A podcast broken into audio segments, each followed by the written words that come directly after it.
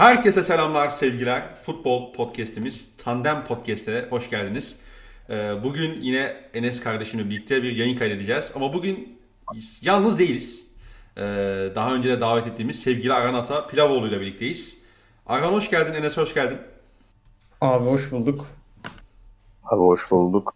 Çok teşekkürler. Arhan'ı da, Arhan'ı da bir podcast'in isim değişikliğiyle beraber getirdik. Bundan önce getirdin de nereye getirdin bu adamı? Sen ya, bir, onu bir söyle. Bundan önce de geldi bu adam ama bu, bu podcast'e gelmedi. Doğru. Konsepte gelmedi. Doğru. Ama e, muhabbetimize aşina kendisi zaten. O yüzden çok da eskileri eski podcastleri artık olmayan podcastleri konuşmayalım diyorum ben. Ee, Arkan tekrar hoş geldin abi. Ne haber? Nasıl keyifler? İyi abi. Çok teşekkürler tekrar davet ettiğiniz için. İyiyiz. Siz nasılsınız? Nasıl gidiyor? Vallahi her şey yolunda. Öncelikle Enes'e sözü vermeden sana bir şey sormak istiyorum. Şenol Güneş'le röportaj yapmak nasıl bir duyguydu? abi Şenol Güneş'le röportaj yapmak e, benim bucket liste birinci sırada yer alan ve bu kadar erken yaptığım için geleceğimi sorgulatan bir röportaj oldu. Sevgili Şenol Hoca e, çok güzel güzel konuştu. E, okumak isteyenler Sokrates derginin bu ayki sayısını da bulabilir. Beşiktaş döneminden pek çok anekdot var. Napoli maçı olsun, e, Galatasaray son haftadaki Galatasaray maçı var. E, milli takımla Fransa, İzlanda döneminden pek çok maç var. Yani başka benim en çok hoşuma giden noktalardan birisi de sadece futbol özelinde değil, sosyal konulara, e, ülkenin farklı farklı dallarında pek çok noktaya yine değindi hoca. O yüzden okumak isteyenlere tavsiye ederim. Kesinlikle. Ya zaten hocamı biliyorsun ne kadar sevdiğimi Enes'le birlikte. Ee, kendisi Aynen. herhangi bir konuda konuştuğunda. Hocamız candır. Vallahi candır. Ama üç, üç kişi bir tarafa geçmeyi doğru bulmuyorum. Ben muhalif tarafa geçiyorum. Ee, yeriz seni kardeşim. Ne zaman ne seni. zaman be, ne zaman benzere zam gelir diyerek böyle saçma sapan bir muhalefetle de yorumumu taşlandırıyorum. Ee, isterseniz... Şey Uluslar Ligi'nde nasıl küme düşürdü takımı. tabii tabii. Niye bu takımın 2020'deki tek galibiyet 10 kişilik Rusya? Aynen. Sen önce elindeki kadroya bak. Ama bu bayağı haklı bir argüman bu arada. 2020'de niye tek galibiyeti 10 kişilik Rusya? Hani böyle de bir haklı bir argüman var ya. Ben ikna oldum. Çok kötü ya kanat kanat rotasyonu çok kötü. Neyse kardeşim o konulara başka bir podcast'te yine gireriz. Şu anda biz e, futbol konuşacağız. Tabii ki farklı bir e, yani milli takımdan farklı bir futbol konuşacağız. Ee, ben Twitter'da paylaşmış mıydık detayını bilmiyorum ama e, kendi aramızda konuştuğumuzda Galatasaray, Fenerbahçe ve Beşiktaş'ın maçlarını konuşup daha sonrasında... Ya bunlar Trabzon'da ekleyeceğim bu arada. Ya. Tabii ki tabii ki. Çünkü onu ekleme, sonra şey o, onun en çok şeyi net hani sistemi oradan alıyoruz çünkü. Doğru, doğru haklısın. Ee, abi sıcak maçta başlayalım. Burada e, topu Arhan'a vereceğim önce. Abi Beşiktaş aslında zor geçmesini benim şahsen beklediğim bir deplasmanı görece kolay geçti. Skor olarak belki geç kopardı maçı ama e, oyun anlamında ben Beşiktaş'ı çok olumlu buldum. E, olumsuz hava şartlarına rağmen. Sen nasıl e, bir Beşiktaş izledin? Ayrıyeten de sana şeyi sorayım. E, Adem Yayiç, Raşit Gezer ikilisinin uyumu sence nasıldı? E, bir de oradan devam edelim istersen.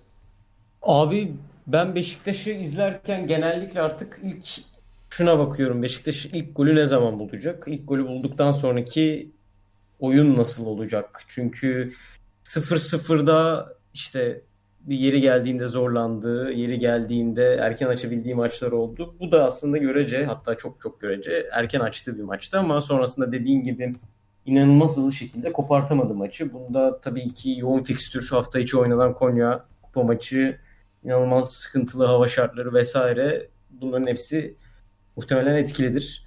Ama bunların dışında kalan bir şey konuşacaksak ben senin dediğin gibi oyundan memnunum. Oyun olarak birkaç son haftalarda hoşuma giden noktalar var. Bunlardan bir tanesi Souza'nın e, böyle bir sol stoper gibi top alması. Hani elinden beri Sergen Yalçın'ın yaptığı bir şey bu. Stoperleri daha çok genişletip ortaya bir ön libere çok yiyordu. Ama işte son haftalarda sol stopere de geliyor Souza. Bu hoşuma gidiyor. Çünkü buradan da bir oyun kurabilme opsiyonunun olması güzel bir şey. Bunu Liverpool'da özellikle e, Anderson stopere geçmeden önce Jurgen Klopp da çok kez sene içerisinde yaptığı soldan pek çok maçta, hedef maçta Anderson'ı indirip oyunu o şekilde kurmaya çalıştığını hatırlıyoruz. E, Larin'in biraz Abu Bakar'a yanaştığı e, muhtemelen orada sol kanadı daha geniş bir şekilde kullanmak için yapıyor onu. Hı hı. E, bu tarz böyle küçük şeyler e, hoşuma gidiyor çünkü uzun vadede de zaten aşırı uzun bir lig. Yani her hafta bir şey oynanıyor. O yüzden her hafta yeni bir şeyi de denemek kolay değil. Bunları yapabilmesi Sergen Yalçın'ın bence hoş bir şey ve bir de şu dikkatimi çekiyor. Orta sahada evet Souza inanılmaz şeyler yapıyor. Onunla ilgili de muhtemelen siz de elbette bir şeyler söyleyeceksinizdir. Ama onun haricinde Laiç, Mensa, e, Oğuzhan, Atiba bu benim bu sene Beşiktaş'ta en çok hoşuma giden nokta olabilir sanırım. Yani o çıkıyor bu giriyor, o çıkıyor bu giriyor ama genel olarak bu kadar fazla e, sirkülasyon olmasına rağmen taban seviyenin yüksek olması hoşuma giden noktalardan birisi. Çünkü rakipte yani Beşiktaş'ın rakiplerinde Fenerbahçe'de, Galatasaray'da ya da diğer takımlarda bu kadar fazla sirkülasyon olduğunda orta saha bütün yapıyı etkileyebiliyor. Yani Gustavo örneğini vermek istemiyorum çünkü Beşiktaş'ta da Josef ayrıldığında ne olacak o ayrıldığından dediğim hani maç eksiği ya da sakatlık ya da cezalı duruma geldiğinde ne olacak onu söylemek istemiyorum ama genel olarak orta saha sanki bir e, maki çarklı bir sisteme dönmüş durumda. Yani A yerine B'yi koysan da belli bir taban seviye oluşmuş durumda ki bu bence e, e, çok önemli bir şey. Sadece orta sahada değil takımın geneline yansıması açısından söylüyorum bunu. Ee, peki hani Beşiktaşların çok fazla görmek istediği bir ikili vardı. Raşit Gezal ve Adem Yayiç ikilisi. Şimdi geçen hafta çok fazla izleyemedik çünkü malum Beşiktaş erken bir şekilde 10 kişi kaldı Ense Kalan'ın kırmızısından sonra. Ama bu, bu hafta e, yani kaçta çıktı Raşit Gezal hatırlayamadım ama yani bir, bir, net bir, bir saat izledik. Ee, bu ikilinin uyumunu nasıl buldun sen? Çünkü benim kendi yani şahsen belli başlı soru işaretlerim var bu ikilinin beraber oyun, oynamasıyla alakalı. Ee, nasıl buldun? Bu maç bir ölçü müydü? İstersen oradan muhabbet devam ettirebiliriz. Abi bu maç ölçü müydü? Bence doğru biraz e, sorulması gereken soru. Çünkü Gençler Birliği de evet Beşiktaş e, 3-0'ı son dakikalarda buldu ama hani inanılmaz bir tehlike yaratarak, inanılmaz bir yoğunluk katarak da maçta değildi. O yüzden Laiç Gezal ikilisini bu maç özelinde değerlendirmek ne kadar doğru çok emin değilim. Fakat e, ben orta yani oyunların biraz kesişebileceğini düşünüyorum. O biraz ben bende soru işareti. Belki benim düşüncem yanlıştır ama bugün mesela e, Gezal'ın ilk bir 15 dakikada 3 tane Abu Bakar'a e, ya da işte Larin'e içeriye doğru keserek hı hı. ceza sahasına kestiği birkaç orta vardı ya da işte ara top vardı. Bu sanki Laiç'le biraz kesişebilir gibi geliyor bana. Bundan pek emin değilim. Yani biraz daha görmemiz lazım. Yani ama oyunları üstte biner diyorsun sen. Biraz. Ya bana biraz öyle geliyor ama yanılıyor olabilirim dediğim gibi. Yok katılıyorum ben çok Fakat, Aynen yani e, ama yani Laiç'in de bir şekilde bu rotasyona dahil olması çok değerli bir şey. Çünkü işte Karagümrük maçında görüyorsun Gezal olmadan da bir şeyler yaratabiliyorsa takım yani her oyuncudan belli maçlarda, belli noktalarda bir e, oyun alabilmen lazım. Hı hı. Bu da orta sahada ne kadar fazla kişi olursa ki işte bahsettiğim orta sahanın taban seviyesinin yüksek olması Laiç ile birlikte aslında tavan seviyeyi de yükseltebilmeni sağlayacak bir durum. Bu yüzden Laiç'in bir şekilde rotasyonda olması çok önemli bir şeydi. Ee, bir anda şapkadan tavşan gibi çıkması. Ama eğer illa bu ikiliyi konuşacaksak dediğim gibi bir üst üste bir mi olabilir gibi hissediyorum ben. Ee, peki Enes senin bu ikiliyle alakalı eklemek istediğin bir şey var mı? Arhan'a destek bağlamında yoksa hani e, muhalefet bağlamında. Bir de e, Arhan az önce işte Josef'in özellikle hani iki stoperin arasından ziyade artık sol stoper iki stoperin arasında girmesinden ziyade sol stoper gibi oynamasından bahsetti. Mesela iki stoperin arasında girip stoperler genişletmesiyle Josef'in sol içte topla buluşması arasında ne gibi farklılıklar var? Biraz açabilir misin? Yani temel temel fark bende şey direkt ya Rıdvan'ın varlığı. Yani Rıdvan ya da En Sakala ya da hani X bir şahıs yani sol ayaklı sen o tarafa ön alana pres geldiği zaman kaldırabilme yükünü Josef'e yüklüyorsun birazcık. En Sakala'nın topla ilişkisinin kötü olması yüzünden. Ee, Rıdvan olduğu zaman zaten yanına Montero koyuyorsun. iyice o, o tarafı güçlendiriyorsun. Ama hani oluyor Ekuban gibi adam geliyor. Rıdvan'ın hani arka deliği cartlatıyor tek koşuda. O tip durumlarda da ister istemez o tarafa en sakala yapacağım maçlar oluyor. Ondan dolayı Josef'i oraya çekiyoruz. Benim anladığım yani benim gördüğüm şey de bu zaten. Hı hı. Ee, Laiç Gezel konusuna gelecek olursak ben Beşiktaş'ın 10 kişi oynamasından sıkıldım aslında biraz. Hakikaten her maç iki tane baktığın zaman bence ligin en iyi iki pivotu. Atiba, şey Joseph. Hani kişisel bağlamda da bence öyle. Atiba'nın son dönem performans düşse ama hani çift olarak da bence ligin en iyisi. Ee, ondan dolayı bunun önüne koyacağın herhangi bir isim artık saha içerisinde az bir şey eforla bile fark yaratması lazım bence. Ama ona rağmen Beşiktaş'ın 3 tane o bölgede oynayan orta saha oyuncusu yani Mensah'tan böyle beklenti yok yani Çünkü mesela ben birazcık daha 4-3'ün 2 orta sahasından birisi olduğum zaman hani fark yaratabileceğine inanıyordum. Beşiktaş'ta da o ikinci oyuncu olmadığı sürece 10 numara oynamak zorunda. Hani bu şey tepkileri var ya işte Atiba Joseph niye hala oynuyor? Niye bunlardan biri Mensah, diğeri şey olmuyor? Ee, söylediğinde Laiç olmuyor da hani Oğuzhan Mensah, Laiç üçlüsünün ikisi neden oynamıyor? Ah kıyamam hani ya. Sebebi, aynen aynen. Bunun sebebi bu işte tamamen. Bu üçünün ikisi şey olmaz yani kaldırmaz. Kimse kaldırmaz. Prime, Prime Atiba Sosa Oğuzhan'ı kaldırmadı aslında. Sosa çok fazla geriye bastı o sezon. Oğuzhan'ı da telafi etti. Ki o Sosa mesela kariyerinin ilerleyen aşamasında merkezi orta sahaya edilirken Ozan 10 numara edildi. Ya şuna gelmek istiyorum velhasıl kelam. Ondan dolayı ben Beşiktaş'ın birazcık 10 kişi oynamasından sıkıldım. Laiç'in performansından zaten ben ilk geldiği günden beri sıkkınım. Hani ben o numara, o tip oyuncuyu sevmiyorum zaten. Yani, ama bu benim sevmemle alakası olan bir şey değil. Benim sevmediğim tonla çok iyi topçu tipi de vardı yani. Ama hani saha içerisinde de zarar verdiğini hissettiğim bir oyuncu. Ee, yani o yüzden Gezer'le 2-3 güzel pas yapacaklar diye bir şey olmasını istemem. Bence aralarındaki en net tercih Oğuzhan olabilir ama Oğuzhan'ın da üretkenlik problemi var. Gezel olduğu sürece çok üretkenlik kafama da taktığım söylenemez ama ya buradan ben ikinci, üçüncü opsiyonlar bekliyorum. Örnek veriyorum Cenk'le oynanacak bir oyun bekliyorum. Hı hı. Hani Cenk'in orada olacağı Abu Bakar'ı ya da geriye çekeceğim. Çünkü Abu Bakar'ın da Cenk'in de defansif kapasiteleri de çok yüksek. Hani oraya koyduğumuzdan defansif katkıda alacağımı düşünürsek. Çünkü Merzen'le hiç kadar üretim yapacaktır bu oyuncular. En kötü ceza sahasına gireceklerdir. Yani sonuç itibariyle Gezel üzerinden üretiyorsak eğer ee, ya da Enkudu'yu bu sefer sol tarafa çekip önlü arkada oynatabilirsin bu sefer. Ondan dolayı benim Laiç Gezel konusunda çok da hani nasıl diyeyim vaat ettiğini bir şey düşünmüyorum. Hani gelecek sezon keşke hani Fonda bir Laiç olsun Gezel'le oynasın demem yani. Katılıyorum katılıyorum. Yani ikinizin de endişelerine ben çok fazla bir şey ekleyemem. Bir de e, şey muhabbet de var. Hani o konuyu da biraz açmak istiyorum açıkçası. Çok, çok maçı değerlendirmedik ama e, belki de maçla alakalı çok konuşacak bir şey olmadığından kaynaklanabilir. E, sana şöyle bir şey sorayım. Raşit Gezel 10 numara oynayabilir mi? Çok fazla eleştiri geliyor bu konuda hani. Bunu, bunu Bence oynayamaz. Bence oynayamaz. Ama istersen bir kez ya daha ben... böyle neden oynayamayacağını açıklayalım. Abi bence o, ya oynar bence. Oynamasında bir problem yok. Ama bu adam topu soluna çekmeye namzet bir adam. Ve topu soluna çekince de arka direğe kesmeye namzet. Hani bu işe yatkın, bu işe meyilli bir adam. Ben Raşit Gezel'i izlediğim zaman bakıyorum adam topu soluna çekip arka direğe ya da ortaya atıyor topu. Bu adamın hani böyle araya inceci olayım derdi yok ki. Hı. Ayrıca hani niye ben bu adamı alayım ki sağ kenardan? Ben öyle anlamıyorum. On numara atacak. Yani sağ tarafa ya ne gerek var yani? Ben niye el alemin pozisyonuyla oynuyorum? ben anlamıyorum. Bu, şey yani biraz daha. Hani maç içerisinde tamam çözüm bulamadım. Lay çok kötü. Oğuzhan'ım sakat mesela bugün gibi. Mesela hani hazır değil vesaire. Ya derim ki Gezel geç ortaya.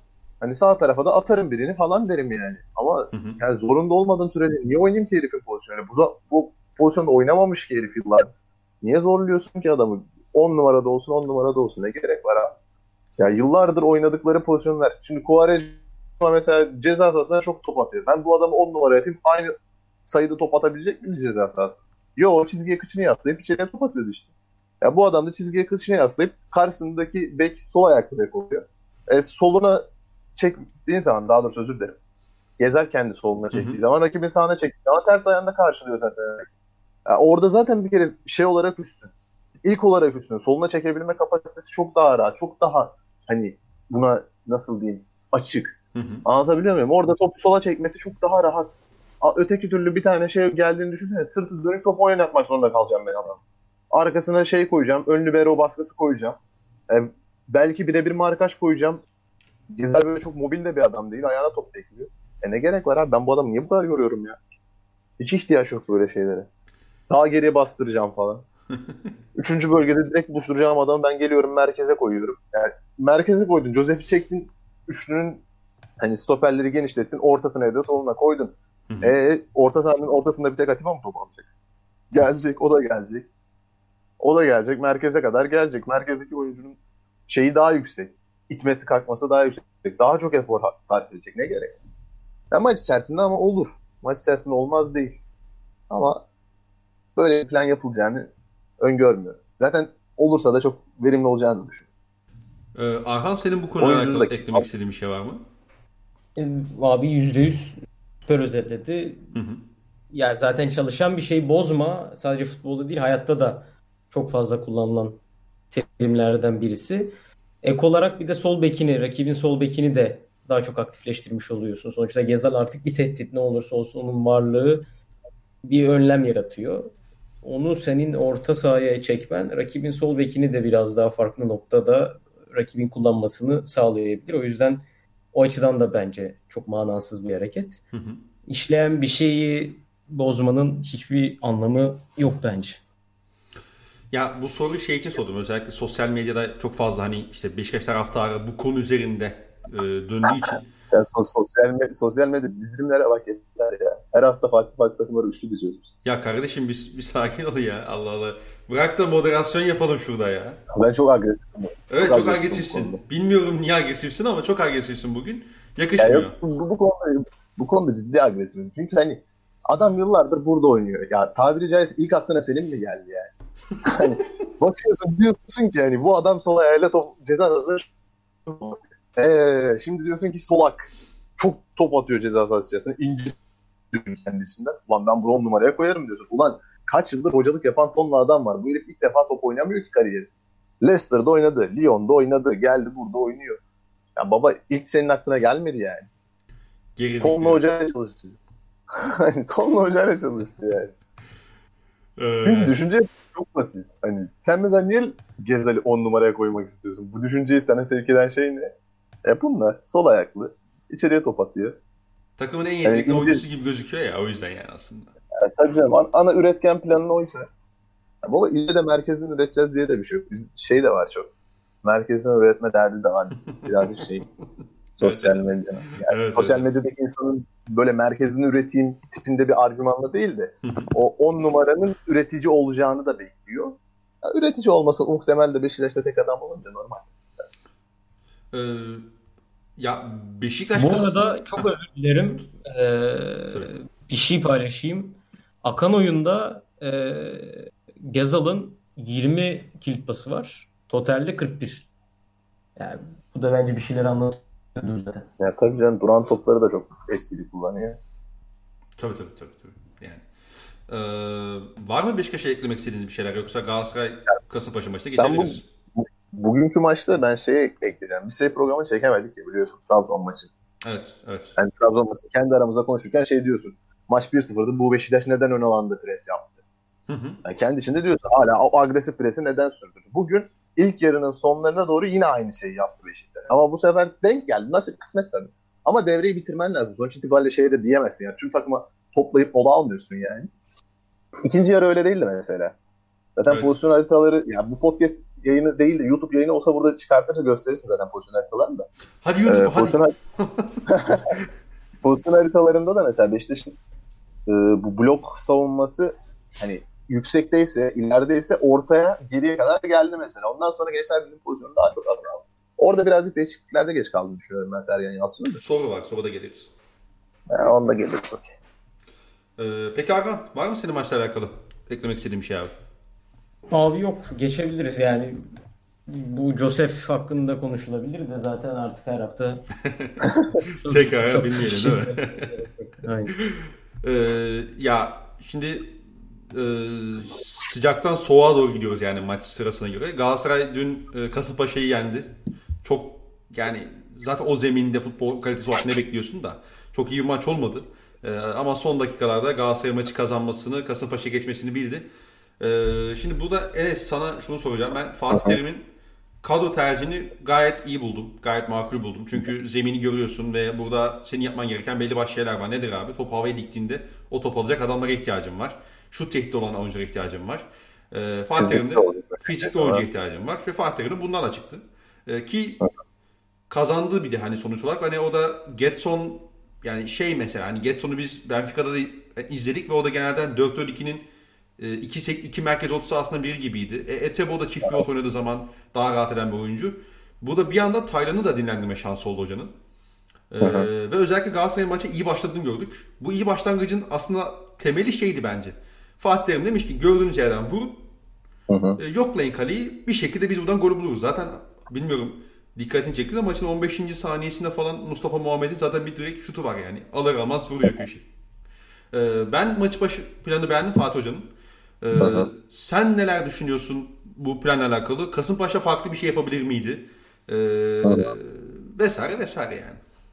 Ya bence ya zaten plan şeyde hani ilk defa uygulanmıyor. Beşiktaş maçında da uyguladı bunu Fatih Terim Metebo'yla. Hani hı hı. bir anda çıktı Metebo tercihi o günde. Herkes şaşırmıştı. Havadan olduğunu az çok tahmin ediyorduk. Zaten Oğuzhan tercihi de keza Beşiktaş'ta hatalı demiştik o gün.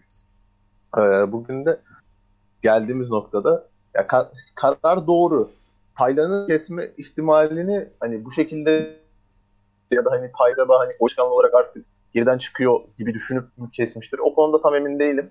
Ama e, Jetson konusunda Jetson 4-4-2'nin merkezi oynarken çok başarılı bir oyuncu değildi aslında. Hı hı. Hani Jetson'un o 4-4-2 merkezi performansları birazcık sıkıntılıydı aslında. Çünkü Jetson acayip böyle driplingçi bir oyuncu. Hani o dribbling yaptıktan sonra el ve topu kaptırdığı noktalar tek pivot olma, çift pivot da olsan kurtarmaz yani. Hani o noktayı düzeltmek istedim de. Ee, ya tercih mantıklı ama Fuat Çapa zaten maçtan sonra kendisi diyor. Biz diyor hava şartlarını diyor öngöremedik diyor. İlk yarıdaki futbolumuz ortada zaten diyor. E zaten biz de gördük hani bunun çok şey olmadığını. Pas sayısı, pas denemesi de keza Kasımpaşa'nın daha yüksekti. Dolayısıyla devamlı top kaptırdılar. Devamlı geldi geldi. Ertuğrul çıkardı, Ertuğrul çıkardı. Ya ben o noktada hani maç üzerinde konuşulacak tek şey iki takımın tercihi yani. Ama ya özel bir şey konuşulacaksa Kerem Aktürkoğlu'nun performansı konuşulabilir belki. Çünkü çocuk hakikaten çok değerli bir performans koyuyor. Yani hafif hafif konçları kısaltma vakti gelmiş onun. Hafif böyle bir konçları kısaltarak izlemek isterim yani kendisi. O şeyi arıyorsun. O klas bakışı arıyorsun yani. Peki. Bayağı bir yokluğa, yokluğa bıraktım şu an. Yok yani ben devamı gelecek sandım ama e, sen Yok, aslında... Daha bir şey söyleyemiyorum çünkü hava çok kötü, zemin çok kötü. Fatih Terim şut çekin demiş. Ya, takım şut çekmiş. e, kornerden bir tane atmışsın. Tamam abi budur yani. İki tane duran top, iki tane golü var yani. Ya bu arada o maçla alakalı ben de bir sadece ufak bir şey eklemek istiyorum. Yani Mustera'nın e, şampiyonluk yarışında hata kotasını doldurması da iyi olmadı tabii. Yani ya da Galatasaray'ın öyle bir maçta puan kaybetmemesi iyi olmadı. E, sen aslında Kerem'den konuyu açtın. Ben de Arhan'a topu Kerem'den atayım. E, abi çok heyecan verici bir oyuncu olduğunu kesinlikle söyleyebiliriz. Zaten sezon içerisinde Fatih Terim onu zaman zaman kullanmıştı. E, Kerem'in şu andaki performansını nasıl görüyorsun ve hani ilerisi için e, sana nasıl bir profil çiziyor? Sana nasıl bir e, oyuncu hayal ettiriyor? Abi, Maçla alakalı konuşacak fazla bir şey yok aslında Enes'in dediği gibi. Aynen. Ee, size sonrasında bir ekleme yapacağım. Kerem'le alakalı ya sosyal medyada zaten çıkan herkes az önce de konuştuk. Adam iyi bir performans sergiliyor Antep maçında. Ya şurada da oynayamaz mı? Burada da oynayamaz mı? Ee, muhtemelen Fatih Terim en iyisini biliyordur. Kaç senedir kaç tane genç oyuncu çıkarmış. Her hafta Kerem'le birlikte. Ki benim aklıma şey geldi. Ee, Kerem'den sen bahsedince. Geçen sene Taylan niye oynamıyor diye e, bir soru sormuşlardı basın toplantısında. Fatih Terim de şey demişti. Nereden biliyorlarmış Taylan'ın Galatasaray'da nasıl performans gösterdiğini. Biz onu da hazırlıyoruz. Yeri geldiğinde de onu oynatacağız demişti. Kerem'le de alakalı hoca muhtemelen en doğru zamanda en doğru şekilde onu sahneye e, zaten çıkarmaya başladı. Çıkarmaya da devam edecektir. Oyuncu profili olarak da ben içte de hani e, Beck'in genişlettiği oyunda o backstopper arası içinde çok iyi oynayabilecek gibi hissediyorum. Ee, o yüzden oradan da heyecanlandırıyor beni. O ceza sahası içerisinde de aynı zamanda farklı şeyler yapabilecek bir profilde. Böyle farklı şeyleri yapabilen profilde olması bence çok değerli. Sadece Galatasaray için değil, Türk futbolu için de genellikle bizim e, futbolcularımız tek bir şeyi çok iyi yapmakla yani tek bir şeyle tanımlarız genellikle. E, kanat oyuncularında ya da santraforlarda. O son senelerde biraz değişti ama e, bu kadar farklı şeyi yapabiliyor olması bence güzel, iyi bir artı. Size de çok küçük bir ekleme yaparak e, geçeyim. Ceza sahasından 9 şut çekmiş Galatasaray. Hı hı. Bu Kasımpaşa maçında ortalaması 3.71 e, ceza sahası dışından şut çekmedi. E zaten haliyle ceza sahasından 9 şut çekince şut mesafeniz de çok fazla uzuyor. 23 şut mesafesi kaleden 23 metre uzaklıkta ortalama. E, sezon ortalaması da 15. Yani tam dediğiniz aslında doğrular şeyler. Yani Galatasaray ceza sahası dışından mı 9 şut çekmiş abi anlamadım ben tam orayı. Aynen abi ceza ha, sahasında tamam, tamam. Kasımpaşa maçında 9 şut çekmiş. E, sezon ortalaması 3.71. Ya zaten e, Galatasaray'ın golünden önce yani 3 şut falan var gole kadar. Yani o e, şey o pozisyon içerisinde diyeyim yani. Gol de 5 dakika 5. dakikada mı? Oyuncu kaç 8'de mi? Bir şey de geldi. Erken geldi evet aynen çok erken. 5 küsurda falan geldi galiba. Ee, şey yani işte zaten işte ilk topu şey çaldı galiba. Emre Kılınç çaldı yanlış hatırlamıyorsam. Gitti vurdu. Korner içeride. Kornerden döndü. O da Etebo vurdu şey. E, kaleci e, Ertuğrul yine çıkardı. Sonra kornerde kafayı vurdu Mustafa Muhammed. Döneni tamamladı e, Kerem falan. Baya hani o iki dakikalık bölümde bayağı ablukaya aldı şutlardı Galatasaray ve hani o sonucunda da sonucu buldu. Ee, peki Galatasaray'a genel eklemek istediğiniz bir şey var mı? Yani Galatasaray'a genel şöyle bir ekleme yapıyorum. Ben Mustafa Muhammed üzerinde birazcık e, genel kanının aksine biraz daha ya genel kanı çok çok götürdü adamı. Hani 10 bölü 10'luk yaptı. Ya ben çok net şeyi görüyorum. Hani iyi niyetli olduğunu görüyorum. Bence çok ayrıca da çok iyi bir savunma forvet forvette olabilecek çok iyi savunma özelliklerine de sahip. Abi Çünkü e, yani stopere acayip bir yük biniyor tamam Ben izlerken hani stoperin rahatsız olduğunu hissediyorum. Yani şeyden mi artık hani yaşı da genç, oradan kaynaklı bir fiziksel gücü var. Birazcık Twitter hesabında gezdim. Ya fiziğinin ortada olduğu fotoğraflar var. Onlarda da çok diri zaten. Ya ondan mıdır bilmiyorum ama herif, hani, çok diri. Hani çok rahatsız ediyor stoperi. Çok tabii, iyi tabii. niyetli. Yani bana şey andırıyor biraz. Elmander'i andırıyor o açıdan. Çünkü Elmander de acayip bir fizik şey koyuyordu. Kalitesi koyuyordu. Ama ben şeyin o kadar net hazır değilim. Söylediğini. Bitirici vuruşunun çok çok iyi olduğuna ikna değilim henüz. Çünkü şu anda attığı gollerin zaten 4 tane gol attı değil mi? Biri mi Hakan Oyun? Fenerbahçe maçı var işte. Değil mi? Biri Hakan Oyun. Ya onda da zaten topu sahne çekeceği belli. Serdar Aziz sağ olsun bir bayağı yol açtı orada onu. Hani onunla dolayı ben henüz bitirici vuruşuna şey değilim ama kafa topuna yükselişi, darbelendirişi falan e, yaşı yaşı da göz önüne alındığı zaman hani önü çok açık da daha o 10 bölü 10 topçu olmadı yani. O reaksiyonu görmek beni birazcık şey yapıyor. Ve hiç şey övülmüyor böyle. Efor övülmüyor. Stopere yaptığı baskı hiç övülmüyor. Abu Bakar'a da övülmüyordu ilk geldiği zaman. Kaçırmamak lazım öyle şeyleri. Hakkını abi biz benim... diyorsun. Buyur abi. İlk, ilk öveceğim şey muhtemelen baskısı olur. Yani stoperleri. Ki Fenerbahçe maçında evet ilk yarı çok şey değildi ama ikinci yarı orta sahadan Serdar Aziz ile en az iki tane girdiğim şey var. İkili mücadele var. Orta sahadan girdiğinden bahsediyorum.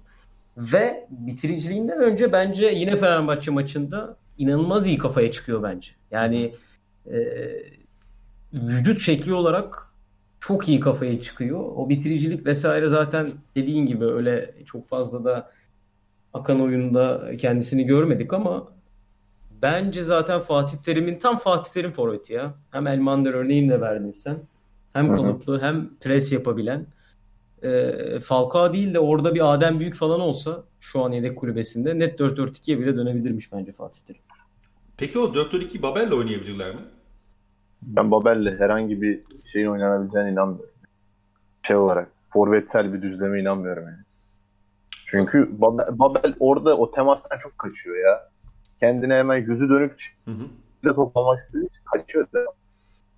Yani Mustafa Muhammed o dağıtıcılığı Babel'in golcülüğünü biraz ön plana çıkartabilir mi diye. Yani sesi düşündüm aslında. Ben öyle düşünüyorum. Kurtarmaz yani. Peki.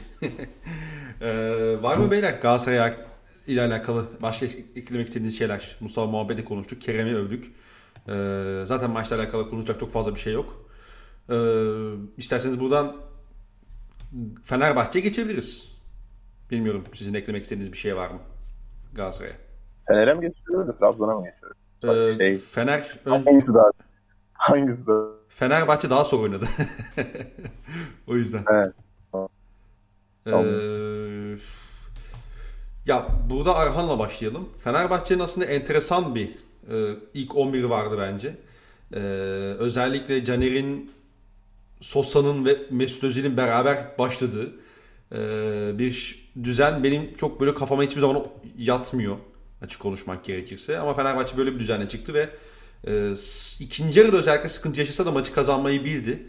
E, sen Fenerbahçe'nin mesela özellikle Luis Gustavo olmadığı dönemde hani e, Sosa, Özil, Caner gibi üç yani bir üç oyuncuyla hani oynayabileceğini düşünüyor musun?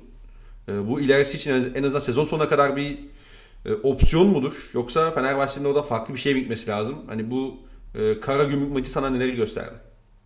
Abi bence Kara Gümrük maçı yani teknik taktikten ziyade bir kadro planlamasının nasıl yapılmaması gerektiğini gösterdi. Çünkü ya şimdi Mesut Özil'i siz satın aldıktan sonra Mesut Özil'i en erken şekilde, en hızlı şekilde e, oyuna sokmanız gerekiyor. Hem taraftar baskısı hem tabii ki yani Mesut Özil sonuçta kenarda ne kadar bekletebilirsiniz ayrı konu. Ve Gustavo'nun yokluğu işte yanına kimi koyacağız, Ozan'ın yanına kimi koyacağız sorusunu da beraberinde getiriyor. Ve Sosa, Özil, Caner o bahsettiğin bence Erol Bulut dahi içi sine sine e, sahaya sunmamıştır ama dediğim gibi bazı şeyleri psikolojik olarak bazı şeyleri değiştirmek için Mesut'u oyuna sürmeniz gerekebiliyor. Bence bu da öyle bir maçtı. Yani Mesut'u 11'de görmek Fenerbahçe taraftarını otomatik olarak bence sevindiriyordur. Evet Mesut 11'de daha farklı şeyler olabilir. Gibi gibi gibi. Yani bu biraz Hı-hı. teknik taktikten ziyade psikolojik e, evresiyle alakalı. O kadro planlamasına gelince de yani or, 20 küsür transfer yapıp Gustavo'ya bu kadar bağımlı kalabilmek gerçekten enteresan bir olay. Yanına birini koyamıyor oluşu şu an Fenerbahçe'nin iki şeyi gösteriyor. Bir oyun yapısından dolayı bunu koyamıyor. Yani topa sahip oluyor, olmuyor, ne yapıyor, ne ediyor o zaten çok büyük bir muallak şu anda.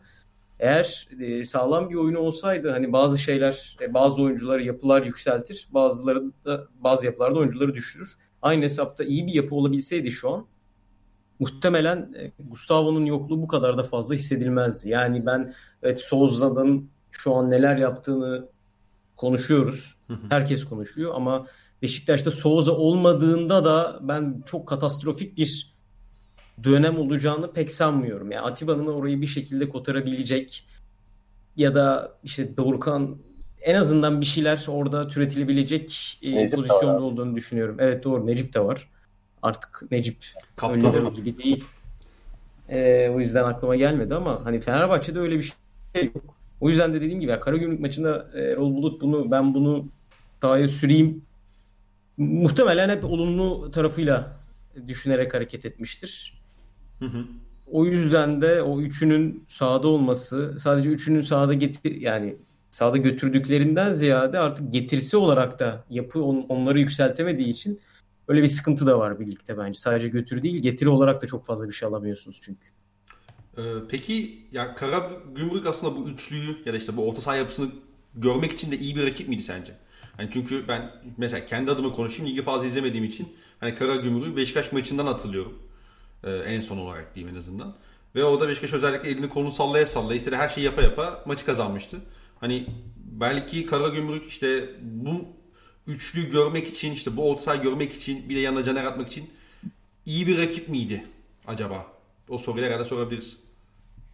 Abi sanırım Beşiktaş maçında Biglia yoktu. Öyle hatırlıyorum. Evet, Biglia'nın olmaması da muhtemelen pek çok şeyi değiştiriyordur Karagümrük orta sahasında. Hı hı. Ama e, dediğin gibi ya örneğin mesela Hatay daha ısırgan bir takım. Alanya mesela Salih'i var. Efendime söyleyeyim Ceyhun'u var. Yani biraz yani Salih teknik bir oyuncu ama Siopis Ceyhun. Salih de bu sene inanılmaz baskıya gidiyor. Bunu Alanya'ya yapamazsınız. Hatay'a yapamazsınız. Evet ama görece Karagümrük'e yapabilirsiniz. Ama Beşiktaş maçı biraz daha yanılsama olabilir. O yüzden Biglia örneğini verdim. Dediğin gibi olabilecek herhalde en olası da rakipti bu üçlüyü sunmak için. Ee, peki buradan biraz daha saha içine girelim. Ee, buradan Enes'le başlayalım. Abi Fenerbahçe Aha. maç içerisinde neleri yaptı, neleri doğru yaptı da öne geçti. Daha sonrasında ne oldu da e, Karagümrük baskıyla birlikte golü e, buldu ve maçın içerisinde dahil oldu. Hatta neredeyse hani offside'den e, iptal edilen bir golleri de vardı ve hani az yani kalsın Fenerbahçe. Aynen işte. Hani Fenerbahçe az daha puan kaybediyordu. E, genel bir maçı değerlendirmesi alalım sana. Abi bence şöyle. Ben sahada Sosa, Ozan, e, Mesut'u gördüğüm zaman aklıma ilk gelen şey rakibin topu vermemesi oluyor ve rakibin topu alması hani şey değil. Nasıl diyeyim? Talep etmesini bekliyorsun. Çünkü ne kadar çok topu Mesut'un ayağına gelirse o kadar çok tehlikedir yani. Mesut'u Premier Lig izleyen herkes biliyor. Yani şey değil hani böyle izlenmeyecek bir lig falan da değil. Dünya markası bir oyuncu bu adam. Biz zaten bir programda söyledik. Eğer Fener'de Mesut varsa topu ayağına almak zorunda Fenerbahçe. Ama Aynısı rakip, rakip için geçerli demiştik. He? Aynısı rakip içine geçer demiştik. Tam olarak şeyini anlamadım. Ya işte onu getireceğim işte. Rakibin burada Mesut'u deaktif hale getirmek istiyorsa, pasif hale getirmek istiyorsa topu alması gerekiyor. Vermemesi gerekiyor yani Fenerbahçe. Bir de baktığın zaman hani bunu yapabileceğin en hani helva üçlü vardı bence. Yani kaç tane üçlüsü var diye düşünüyorum bu şekilde Fenerbahçe'de. Bu ya Sosa ile Mesut'u ben beraber gördüğüm zaman Karagümrük hocası olsam bir hafta boyunca maça çalışmış olsam Gustavo'nun olduğu ya da olmadığı herhangi senaryo Hakan oynayacağı bir senaryo örnek veriyorum. Hı hı. Derim ki maç sabahı ya gittim TRT'den merededen duydum tamam mı? Abi derim ki ben burada bugün topu alıyorum. Şey yok vermiyorum bugün burada topu. Vermemem lazım. Verdiğim zaman iki tane var bu sefer. Çünkü kaç tane takım var? İki tane böyle net üreticisi merkezde. Peki Fenerbahçe'den alabilir miydi? İstese. Al, net alınırdı ya. Hakikaten alınırdı. Bunu şeyden dolayı söylemiyorum hani. Az çok hani hangi takım tuttuğumuz belli diye söylemiyorum bunu. Bu hakikaten Sosa top kazanma oranı düşük bir oyuncu. O üçlüde ideal Fener üçlüsünde de en çok top kazanan oyuncu Ozan. Değil mi? Yani bu aşikar. Hani Gustavo falan da değil. Ozan yani. Dinamo gibi çocuk sağa sola basıyor alıyor. E, Ozan'ı da çektim ben geriye. Ozan'ı da hani 6'ya çektim 8'den. Daha geride rakip karşılıyor. Dolayısıyla daha az müdahale etme şansı var. Çünkü merkez orta sahanın son adamı. Değil mi? Evet. Bu da... Ki sen bu arada 8'den 6 edin hatta Ozan'ı bir yerden hani 10'dan 6'ya almış oldun. Hani Fenerbahçe'nin ilk yarı yarısına atılacak olsa. Aynen. Hani baktığın zaman top kazanacak, rakibimi rahat, yani beni rahatsız edecek bir orta sahası yoktu.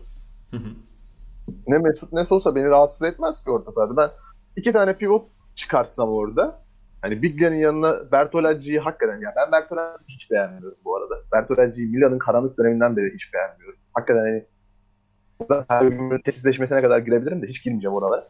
İki tane düzgün pivotla çıkacağım bu, bugün. Sabo ile çıkardım mesela gönderdikleri Sabo ile. Çıkacağım. E ben bu topu alamama olasılığım yok. Hı-hı. Hakikaten yok. Ya bu topu sen ama rakibe verirsen, Fenerbahçe'ye verirsen bu topu ondan sonra problem yaşarsın. E ne oldu? E verdin topu. Bir yerden sonra üstüne üstüne geldi. Elbet yersin. Elbet yersin. İlk yarı pozisyonu kaybediyor. E verdin topu. Geçiş. Nerede, nerede geçeceğim ben geçiş? Nerede geçeceğim bir? Vermiyor ki adam bana topu. E bir de şey var hani bu iki tane oyuncu şey oyuncular değil böyle. Kilit pas demek şey değil. Hani araya ince atıyor. Kesiliyor falan değil. Kilit pas dedi. Gider yani. Daha çok atabiliyor demek. E sonuç olarak daha çok atak hani finale ulaşan şut oluyor demek. Hı hı. O Fenerbahçe'ye top vermek özellikle Sosa ile oynadıkları senaryoda çok da mantıklı değil. Karagümrük bence ilk olarak hata bu.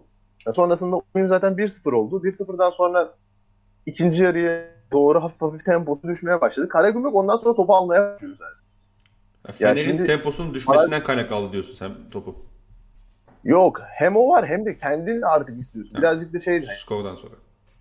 Nasıl diyelim oyunun refleks de var ya. Sen skordan sonra ister istemez bir adım daha geri geliyorsun. Yani evet. bunu yapacak durumda değiliz. Yani nasıl edecek durumda değiliz. Yani zaten ondan sonra bu oluşmalara düştü. Böyle bir oyunda, oyundu zaten genel olarak. Ben şu anda bir taraftan şey açmaya çalışıyorum. Dakika dakika bakacağım da bu Scorpion flash player'e problem oldu. Neyse. Sen bir bakalım. Ondan ben... sonra topu aldı Karagümrük. Sonra indi. Hı hı. Tamam sonra o zaman ben ondan bakıyorum sürekli. Senin bağlantıda bir sıkıntı var galiba da. Sen bir onu bir kontrol etsen de ben bu esnada Arhan'la şey yapsam. Ee, nasıl olur? Şu an geliyor mu? Ona göre hemen geçeceğim kenara. Şu an iyi geldi. Tamamdır. Tamam siz geçin. Ee, Arhan, e, Enes aslında güzel bahsetti bence. Fenerbahçe'nin bu orta saha yapısına rakiplerin neler yapabileceğine dair. Peki e, sen Fenerbahçe'yi nasıl buldun? Yani e, bu üçlünün ya da en azından Sosa Mesut ikilisinin beraber oynadığı düzen Fenerbahçe'de e, işleyebilir mi? En azından sezon sonuna kadar bunu e, ne kadar işlevsel hale getirebilir Erol Bulut? Ya abi işleyebilir mi sorusu tamamen Fenerbahçe'nin bence ne oynamak istediğiyle doğru orantılı bir şey. Ee, eğer topu almak istiyorsa, topu alabilecek, oyuna dönecekse Hı hı. evet yani Gustavo'nun varlığıyla birlikte işleyeceği maçlar olacaktır. Ama hani Enes'in de bahsettiği gibi topu yani verdiğiniz dönemlerdeki Karagümrük ikinci yarı daha çok topu aldı bahsettiği gibi. İkinci yarıda olduğu gibi olursa işte o zaman işler sıkıntıya girebilir. Çünkü topa sahip olup siz Sosa'yı, Mesut'u, Ozan'ı, Ozan da topla iyi bir oyuncu. Yani bu üçlüye sahip olup yapamayacağınız çok şey yok aslında. Gerçekten istediğinizi rakibe çok rahat şekilde oynatabilirsiniz. Mesut'u ne kadar fazla rakip kaleye yakınlaştırırsanız zaten o kadar e, işinize yarayacak şeyler bunlar. Burada dediğim gibi önemli olan şey takımın ne yapmak istediğini tam olarak belirleyebilmesi. Çünkü ben hala Fenerbahçe'yi izlediğimde bu takım yani örneğin bir Alanya maçını ben açıp izlediğimde ya da bir Hatay maçını açıp izlediğimde ya da e, Beşiktaş maçını açıp izlediğimde takımların ne oynayacağını, savunma hatlarının nerede olacağını, rakibe ne kadar baskı yapacaklarını, top kaybettiklerinde ne yapacaklarını aşağı yukarı anlayabiliyoruz. Ama Fenerbahçe'de mesela e, yanlışım yoksa Gençler Birliği'ni 5-1 yendiğinde de yine Sosa, Mert Hakan, Gustavo üçlüsü vardı. Orada da topu bırakmıştı Fenerbahçe. Hani Karagümrük'te benzer. Gençler Birliği'nin orta sahası da çok kuvvetli bir orta saha değil. Burada da aslında topu bırakacak mı, topu alacak mı tam kestiremiyoruz hala. Hı hı. İkinci yarıda topu bırakıyor, ilk yarıda topu alıyor. Oralarda Fenerbahçe'nin yapması gereken bence Mesut'u olabildiğince rakip kaleye yakın tutup onun üstünden bir şekilde oyunu ıı, şekillendirmek olacak. Bunu yapmak için de yani Erol Bulut'un gerçekten önünde zorlu bir sınav var. Çünkü ana yapı zaten biraz sorunlu bir yapı. Hani Caner, Sosa, Gustavo'suz oyun. Yani Ozan bence yine şu an yerinde oynamıyor. Mesut'un varlığı e, yüzünden. Çünkü on numarada bence savunma açısından da çok farklı şeyler getiriyordu. E, ikinci toplara koşuları, önde rakibe yaptığı baskılar. Onu da bir şekilde aslında e, geriye atarak performansını düşürüyorsunuz. Bakalım çok zorlu bir sınav var bence e, Erol Bulut'un önünde. Enes sen senin yani yorumlar biraz o yarım kaldı e, internet bağlantısından, do- bağlantısından dolayı. Sen bir şeylere bakacaktın, bir şeyler söyleyecektin. Abi şöyle 20. bölüm geldi. Dakikada 159 olmuş herhalde. Ee, bu süreçte golü buluyorsun zaten ve bu süreçte topun takımda dokunan bir oyuncusu mesela Mesut. İki defa. Yani daha fazla oluşan, top alan bir görüntüle. O dakikada ikinci dakikadan ikinci gol süreçte yani ayrı ayrı bu %50 düşünler toplaması. Yine Fenerbahçe. Ama ne oldu? Mesut'un ya da Sosa'nın top alışma oranları düşüyor. E, ondan sonraki süreçte mesela Fenerbahçe bir adım geri atıyor. Ve ucunda da Karagümrük oluyor. %60'ı biz ondan sonra top oluşları acayip, oluşları acayip düşüyor. Karagümrük acayip artıyor. Karagümrük bir dakikadan sonra bir tane gol attı. Bir tane attı. Bir tane böyle kulağın pozisyon var. Fazla pozisyona girdi. Bu pozisyon sayıları şu gösteriyor zaten. O topu rakiplerin alması gerekiyor böyle orta sahalara karşı. Biz tamam şey söylüyoruz hani artık topa almak, top e, kaybetmek o kadar moda değil, eskisi kadar moda değil. Hani o 2010 dönemi değil. Çünkü Pep aldığı zaman bambaşkaydı o dönem. İspanya aldığı zaman bambaşkaydı. Şu zaman şu söylüyor. Pep hala söylüyor bunu. Pep zaten o topu alabilme işi hiç sahte forvet almıyor artık. Ama genel şunu söylüyorlar ya. Biz topu alıyorsak rakip daha az hücum edecek. Bir sonra ileride daha az şut göreceğiz. Tamam. Bu sebeple artık topu bir haftada da gitmeniz lazım rakip kaleye. Karagümrük ya da ya da ya da Erol Bulut takımlarına karşı eğer o esasında Ozan'ın bir pivot oynamadığı senaryolarda bu olmadığı senaryolarda gayet rahatsız edebilirler şu anda Fenerbahçe'yi. Ama bunu e, hocalar birazcık da hani, içgüdüsel olarak çok kaybet ama kaybettikleri noktada farkına varıyorlar diye düşünüyorum. Ben şimdi sonra e, maçtan sonra sorsalar bir ayağı maç yapacağız desem de ben toplamaya çıkar. Çünkü gördüğüm 8 oyun golden sonra gayet 3 tane net gol pozisyonu yakaladı.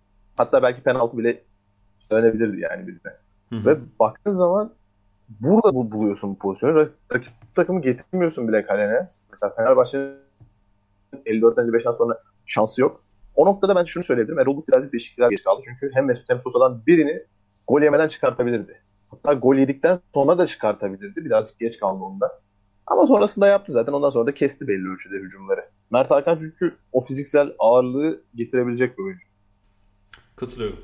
Ee, Arhan senin Fenerbahçe eklemek istediğin bir şey yoksa Trabzon'a geçelim abi. Varsa bir maçla alakalı. Fenerbahçe alakalı. abi. Ee, peki abi Trabzonspor kaç haftadır bilmiyorum artık sayısını unuttum ama e, kazanmaya devam ediyor. E, ve kazanarak geldiği için de üst taraf belki inanılmaz fazla puan kaybetmedi ama şu anda puan farkını e, yanlış görmüyorsam 6 puana indirdi zirveyle. E, dolayısıyla e, Trabzonspor'u belki hani tamam düş, düşmesini bekleyebiliriz ama en azından şu anda bir şampiyonluk potasının içine girdi diyebiliriz bence Trabzonspor için. E, sen Abdullah Avcı Trabzonspor ilişkisini nasıl buluyorsun? Avcı neleri değiştirdi Trabzon'da ya da neleri oturttu da e, bir anda bu potaya girdi ve bu performansı yakaladılar. Ee, abi ben Trabzonspor Abdullah Avcı ilişkisini yani en sorunlu olabilecek ilişkilerden biri olarak görüyordum ama ilk günden bu yana Abdullah Avcı'nın demeçlerini zaten takip ettiğinde şeyi fark ediyorsun. Beşiktaş'ta yapmak istediklerinden ders çıkarmış bir Abdullah Avcı var sanki. Yani Beşiktaş'ta işler kötü giderken ben burada büyük takımların, elit takımların oynatmak istediği oyunu oynatmaya çalışıyorum. Biraz bu zaman istiyor demeçlerinden şu an e, ilk geldiği günden bu yana ben her hafta bir sonraki maçı nasıl kazanırım e, şeklinde e, açıklamalar yapıyor. Bunun üstüne kafa yorduğunu söylüyor. Ve bence olabilecek en mantıklı, en doğru şekilde bunu yapıyor ki aslında Abdullah Avcı Başakşehir'de de benzer bir şekilde kariyerine başlamıştı. E, ilk önce savunma savunmayı düzeltip çok az gol yiyip e, geçişi daha çok iyi oynamaya çalışarak bir kariyer yapmıştı. E, topa sahip olma oyununa başlama serüveni dediğim gibi daha çok savunmasını düzelterek e, başlamıştı ki zaten dünyada hemen her takım ilk önce topa sahip olmak isteyen her takım savunmasını düzeltmeli. E, bunu şu an Trabzonspor çok iyi yapıyor. E, sanırım son 8 ya da 9 maçta gol beklentisinde birin e, yukarısında hiçbir maçı yok. Hepsi e, kendi kalesinde gördüğü gol beklentisi birin aşağısında son 8 ya da 9 maçta. Beşiktaş maçı dahil mi buna? Beşiktaş maçı 0.98 abi. Aa. Ya benim baktığım bu arada. Yani Maçkolik Opta'dan alıyor. Ben Statsbomb'dan bakıyorum. Maçkolik e, yani Opta biraz daha e, genel böyle Twitter'da takip ettiğim birkaç yere de nazaran e, Opta'nın verileri sanki biraz daha fazla oluyor. Yani muhtemelen Maçkolik'ten açıp bakarsak hı hı. da bakayım ben şimdi e, biraz daha yüksek olabilir. E, şu an baktım 0.98'i gözüküyor. E, onu da söyleyeyim. Hemen şeyde bakıyorum bu arada. Trabzonspor Beşiktaş evet, maçına bakıyorum. Maçı biraz hatırlamaya başlayınca böyle kale önünde falan kaçan çok fazla pozisyon yoktu yani. Evet o biraz XG'nin oranlarını değiştiriyor ama hani ya bir de XG'de şey yok ya. Hani hangi oyuncunun şut attığının çok büyük değeri yok. ya da o şut o biraz etkileyici. Yani. O biraz etkiliyor. Mesela hani bir yerde Gezel'in vurduğuyla bir yerde şeyin vurduğu aynı konuma geliyor XG. O yüzden henüz o yeterli güvenilirliği sağlamadı bence. Hı hı. Yani Ama belli alışıyla şey gösteriyor tabii.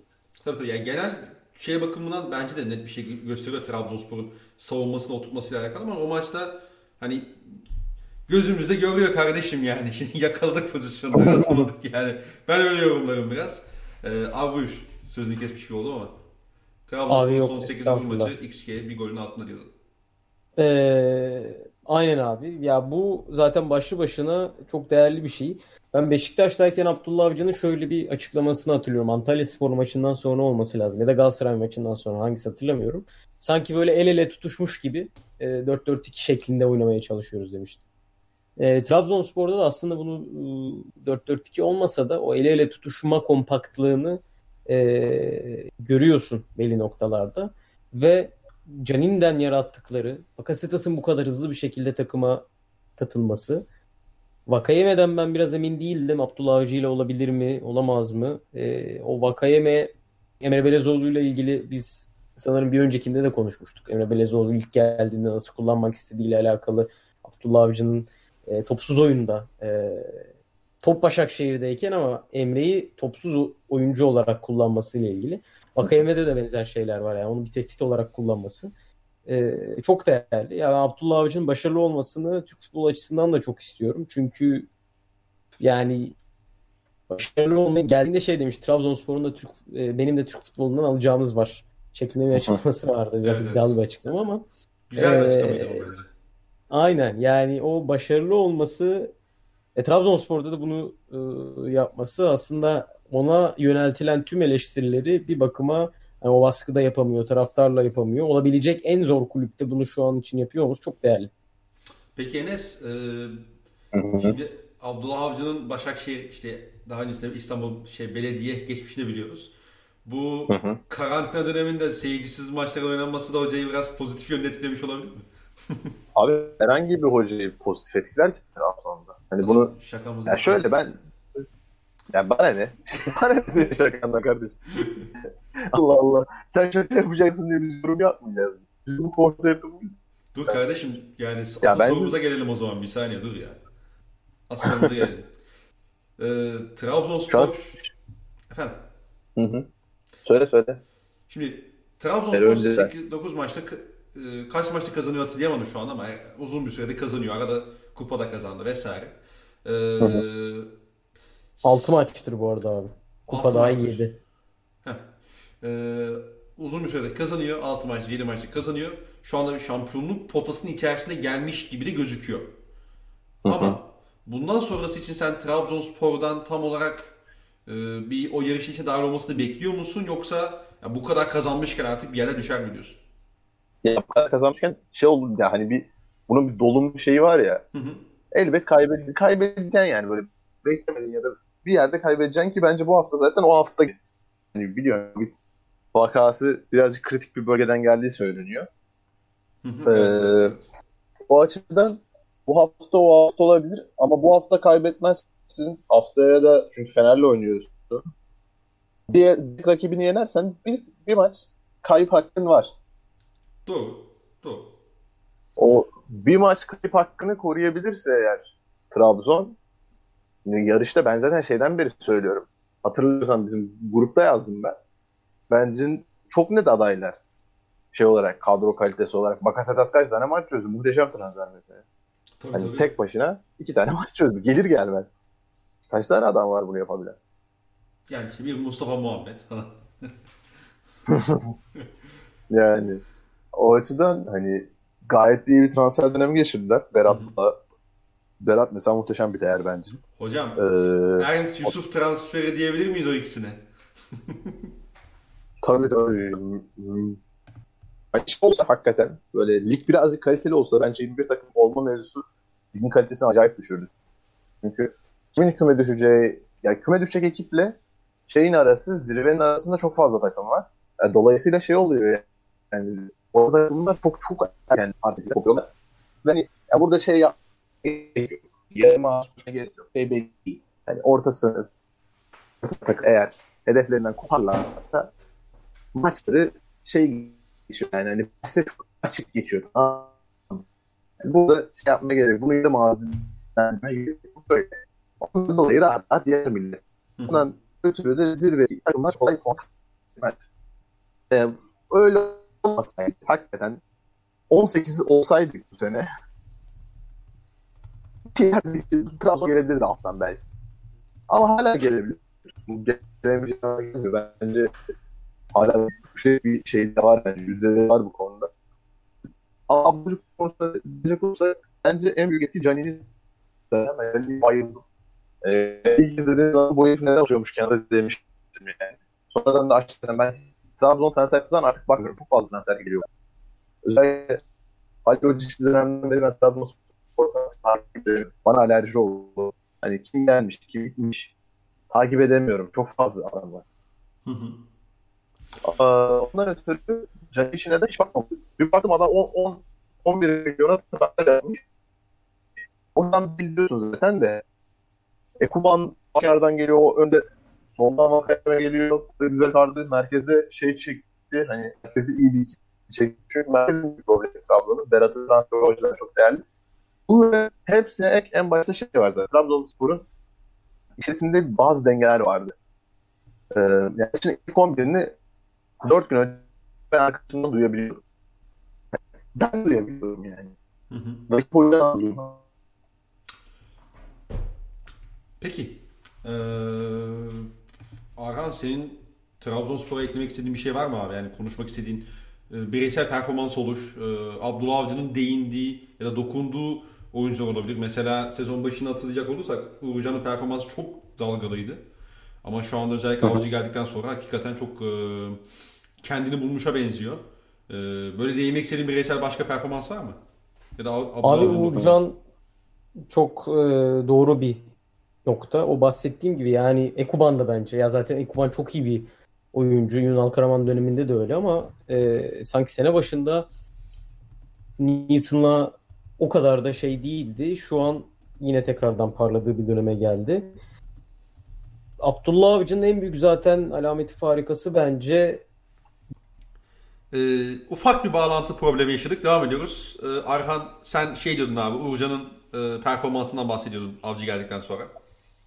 Ee, evet abi yani o bahsettiğim gibi zaten Abdullah Avcı'nın alameti farikası bence kariyeri boyunca e, parçanın bütünden büyük olmamasını, bütünün parçadan büyük olmasını sağlamaktı.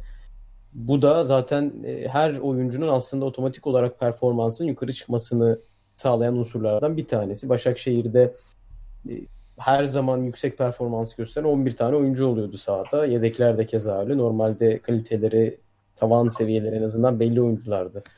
Çoğu. E, en azından ilk dönemde. Bugün büyüme politikasından önceki dönemde. Semih Şentürk çok iyi hatırlıyorum bir maç sonu röportajında akciğerlerim bayağı dolmuş. Oksijen tüpü olsa anca onunla oynardım deyip böyle iki gol attığı bir maç vardı. Hani oralardan beri devam eden aslında bir geleneği Abdullah Avcı'nın bu bireysel performansları yükseltmesi. Ee, abi aynı öyle. Peki Enes yani şimdi Abdullah Avcı Beşiktaş'a geldiğinde mi yoksa Başakşehir'deki son döneminde mi hatırlamıyorum ama yani çıktığı bir televizyon programında şuna benzer bir şey söylemişti. İşte geçiş oynuyorduk bizi ilk başta işte belediyede, Başakşehir'de. Ama ondan sonra Aha. bir üst seviyeye daha çıkmak istediklerinden bahsetmişti.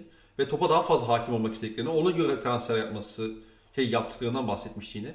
E, Trabzonspor da mesela Aha. bunu yapabilir mi? Ya da yapmalı mı? Trabzonspor'un şu anki oyun yapısının tavanı nedir ve bu tavanı nasıl yukarıya çıkartabilir? Yani nasıl bir çözüm, yani aklına başka ne geliyor mesela şu Trabzon kadrosunu gördüğün zaman? Ya yoksa, bence yoksa böyle anda... iyi mi? Anlamadım. Yoksa şu anda iyi mi yani? Şu anda bozmamak mı lazım diyorsun? Yani bu oyunun tavanı ya nedir an, yani Trabzon'da? Ya şu an bu oyunun tavanı yani merkezi ikinci bir oyuncu gelene kadar bu. Yani çünkü merkez ikilisi burada çok önemli. Hı hı. Yani üçüncü oyuncu Bakasetas oldu. Tamam okey. Ama merkez ikilisi oyunu yeterince domine edemeyecekse ki ne parmakla ne Baker'la bunu gerçekleştirebilirsin ya da Kamil Ahmet'le. Ondan dolayı hani oraya gelecek eklemeye bakacak. Nasıl yani ekleme, ekleme çok sence değerli. mesela? Profil olarak sorayım. Var mı böyle yani? Böyle Abi herhangi ya Bakasetas'ın varsa herhangi bir ekleme yeterli. Şey olmasın. Hani arkasını böyle açmasın. O yeterli. Hı hı. Ya şey olmasın orada parmak olmasın anlatabiliyor muyum? ara ara böyle statik bir adam olmasın ya da Flavio gibi hamle yapmaya gidecek bir adam olmasın. Orada bir tane holding midfielder olsun yani bir tane. Tutucu bir orta saha olsun orada. Bir tane daha Berat bulabiliyorsanız ne hala. Zor biliyorum ama bir Berat'a bütün problemlerin çözüleceğini düşünürsek bence gayet de hani değer bir noktada bunlar. Peki e, beyler var mı Trabzon konusunda? Şunu da konuşalım dediğiniz. Benim şeyde sesim geldi mi? Değil. Bu hani ilk 11 meselelerinde, ilk 11'in sızdırılması meselelerinde. Yoksa ben havaya mı konuştum onları? Sen muhtemelen havaya konuştun ama. Mu muhteşem. O zaman şöyle söyleyeyim. Abdullah Avcı'nın ilk geldiği dönemde ilk 11'ler e, daha doğrusu ondan önceki dönemde ilk 11'ler böyle 3-4 gün önceden sızıyordu sosyal medyaya. Ben bile öğreniyordum ilk 11'i. Hı hı. Abdullah Avcı'nın kulübe ilk gelir gelmesi çözdüğü mevzulardan birisi bu oldu. Ondan sonra ne medyadan ne de şeyden hiçbir şekilde haber çıkmamaya başladı. Yani bu çok değerli zaten. Yani bunun değerli olduğu zaten ayrı. Yani ilk 11 çıkıyor lan daha ötesi mi var? Sonuç itibariyle takımının tüm planlarını 4 gün önce rakip hoca biliyor yani. Ben biliyorum lan zaten rakip hoca zaten bundan 5-6 gün önce biliyor. Sinirlendik yine. ya sinirlenmedim. Bu, bunlar böyle ifade edilir. Bunlar hakikaten bu, bu şekilde ifade edilir. Nasıl Düşünsene çıkıyor lan bu 11 dışarıya? Aynen abi 4-5 gün önce nasıl çıkar takımın 11'i ya lütfen. İmkansız şeyler normalde Tabii. bunlar. Ya bir de buna ek bence Abdullah Avcı'nın şey tavrı da benim için çok hoş. Ee, yani bu kısmın da gelmedi muhtemelen sesim. Bunu da çünkü izah ede ede anlatmıştım. O ses kısmın gelmemesi aslında bir noktada güzel de olmuş olabilir ama yine aynı söyleyeceğim. Çok bir problem olmayacak. Ee, bu Beşiktaş'tayken yardımcı antrenörünü yedirmişti. Açık açık yedirmişti. Yani taraftar tepkisinden mepkisinden derken yardımcı antrenörünü hakikaten medyaya kurban etmişti. Medyaya taraftarı kurban etmişti. Ondan sonra da zaten yardımcı normalde staffıyla övdüğümüz adam yardımcısından yardımcısından hiçbir destek alamadan patakite gitti. Burada hem egemeni yanına alarak çok büyük bir artı bulundu hem de e, adını anmayacağım. Onu tutarak bence çok iyi bir iş başardığını düşünüyorum. Bir de şeyin hani bu adaptasyonun en önemli aşaması olarak ben bundan önce hep Trabzon'u şaha kaldıracak adamın Trabzonlu birisi olacağına inanıyordum. Çünkü bu taraftar kendinden geleni ister tamam mı? Bu herkes ister aslında kendinden gelenin başarılı olmasını da. Fenerbahçe yabancı bir adamla başarılı olmak istiyor tamam mı? hani bu adamları hani yerli bir hocayla şampiyonluk geleceğini ikna etmek 34. haftada ya da bu sezonunki 40. hafta hali çok zor. Bir hani de sadece hala kulübü gitti, yönetmiyorsun hala ya gitti, hala gitti gözüyle bakıyorlar mesela. Mesela Trabzon Spor'da sadece kulübü yönetmiyorsun aslında. Bütün bir şehir. Tabii, tabii. Bir bütün orada yani. O yüzden onu idare etmek için orada hani oranın havasını bilen şey, bir adamın şeyin olması, olması lazım. Normal. Geçmişinin olması lazım. Tabii tabii. tabii. Ünal Karaman'ın vardı. Şenol Güneş'in vardı. Ben, Ahmet Suat Özdesiz'in vardı. Özkan Sümer'in vardı. Ben bu işin hamurunda varım. Tabii tabii. Şot, şot bile yani ta, kaç tane hoca geldi. Bence şeyden iyiydi. Bence Rıza Şota'dan iyi bir hocalık dönemi geçirdi. Ve benim internet gene mi gitti? Evet, Neyse. Ee, Acil. Kardeşim. Evet. yapacak bir şey yok artık buna. Ee, Aran senin var mı Trabzonspor'la alakalı e, yine konu, üzerine konuşmak istediğim konu istersen? Yoksa Abi ben de aslında sizinle çok benzer düşünüyorum. Ben de Trabzonspor'u kurtaracak kişinin e, tartışmasız bir isim olması gerektiğini düşünüyorum. Yani illa Trabzon şehrinden, kulübünden olması bir yana kesinlikle orası olması çok büyük bir avantaj olurdu kulüp adına. Olmuyorsa da çok tartışmasız bir isim olması gerektiğini düşünüyordum. Ama Abdullah Avcı Beşiktaş'ta da aslında Beşiktaş efsaneleriyle birlikte hani onların ismini çok fazla anarak onlarla kulüple bir bağdaşma e, havasındaydı. Bu kulübün belgeseline gitmişti. Orada ben de burada kendi adımı efsane olarak yazdırmak istiyorum demişti. Şimdi de e, öyle bir aslında başardığı çok çok büyük bir şey. Yani kasket 61 bin liraya kasket sattırdı bir bakım Abdullah Avcı. e, Ahmet Suat Özyazıcı e, dönemine atıfta bulunarak. E, bunu başarmış olması Trabzon gibi bir kentte çok kayda değer bir şey. Gerçekten tebrik etmek lazım.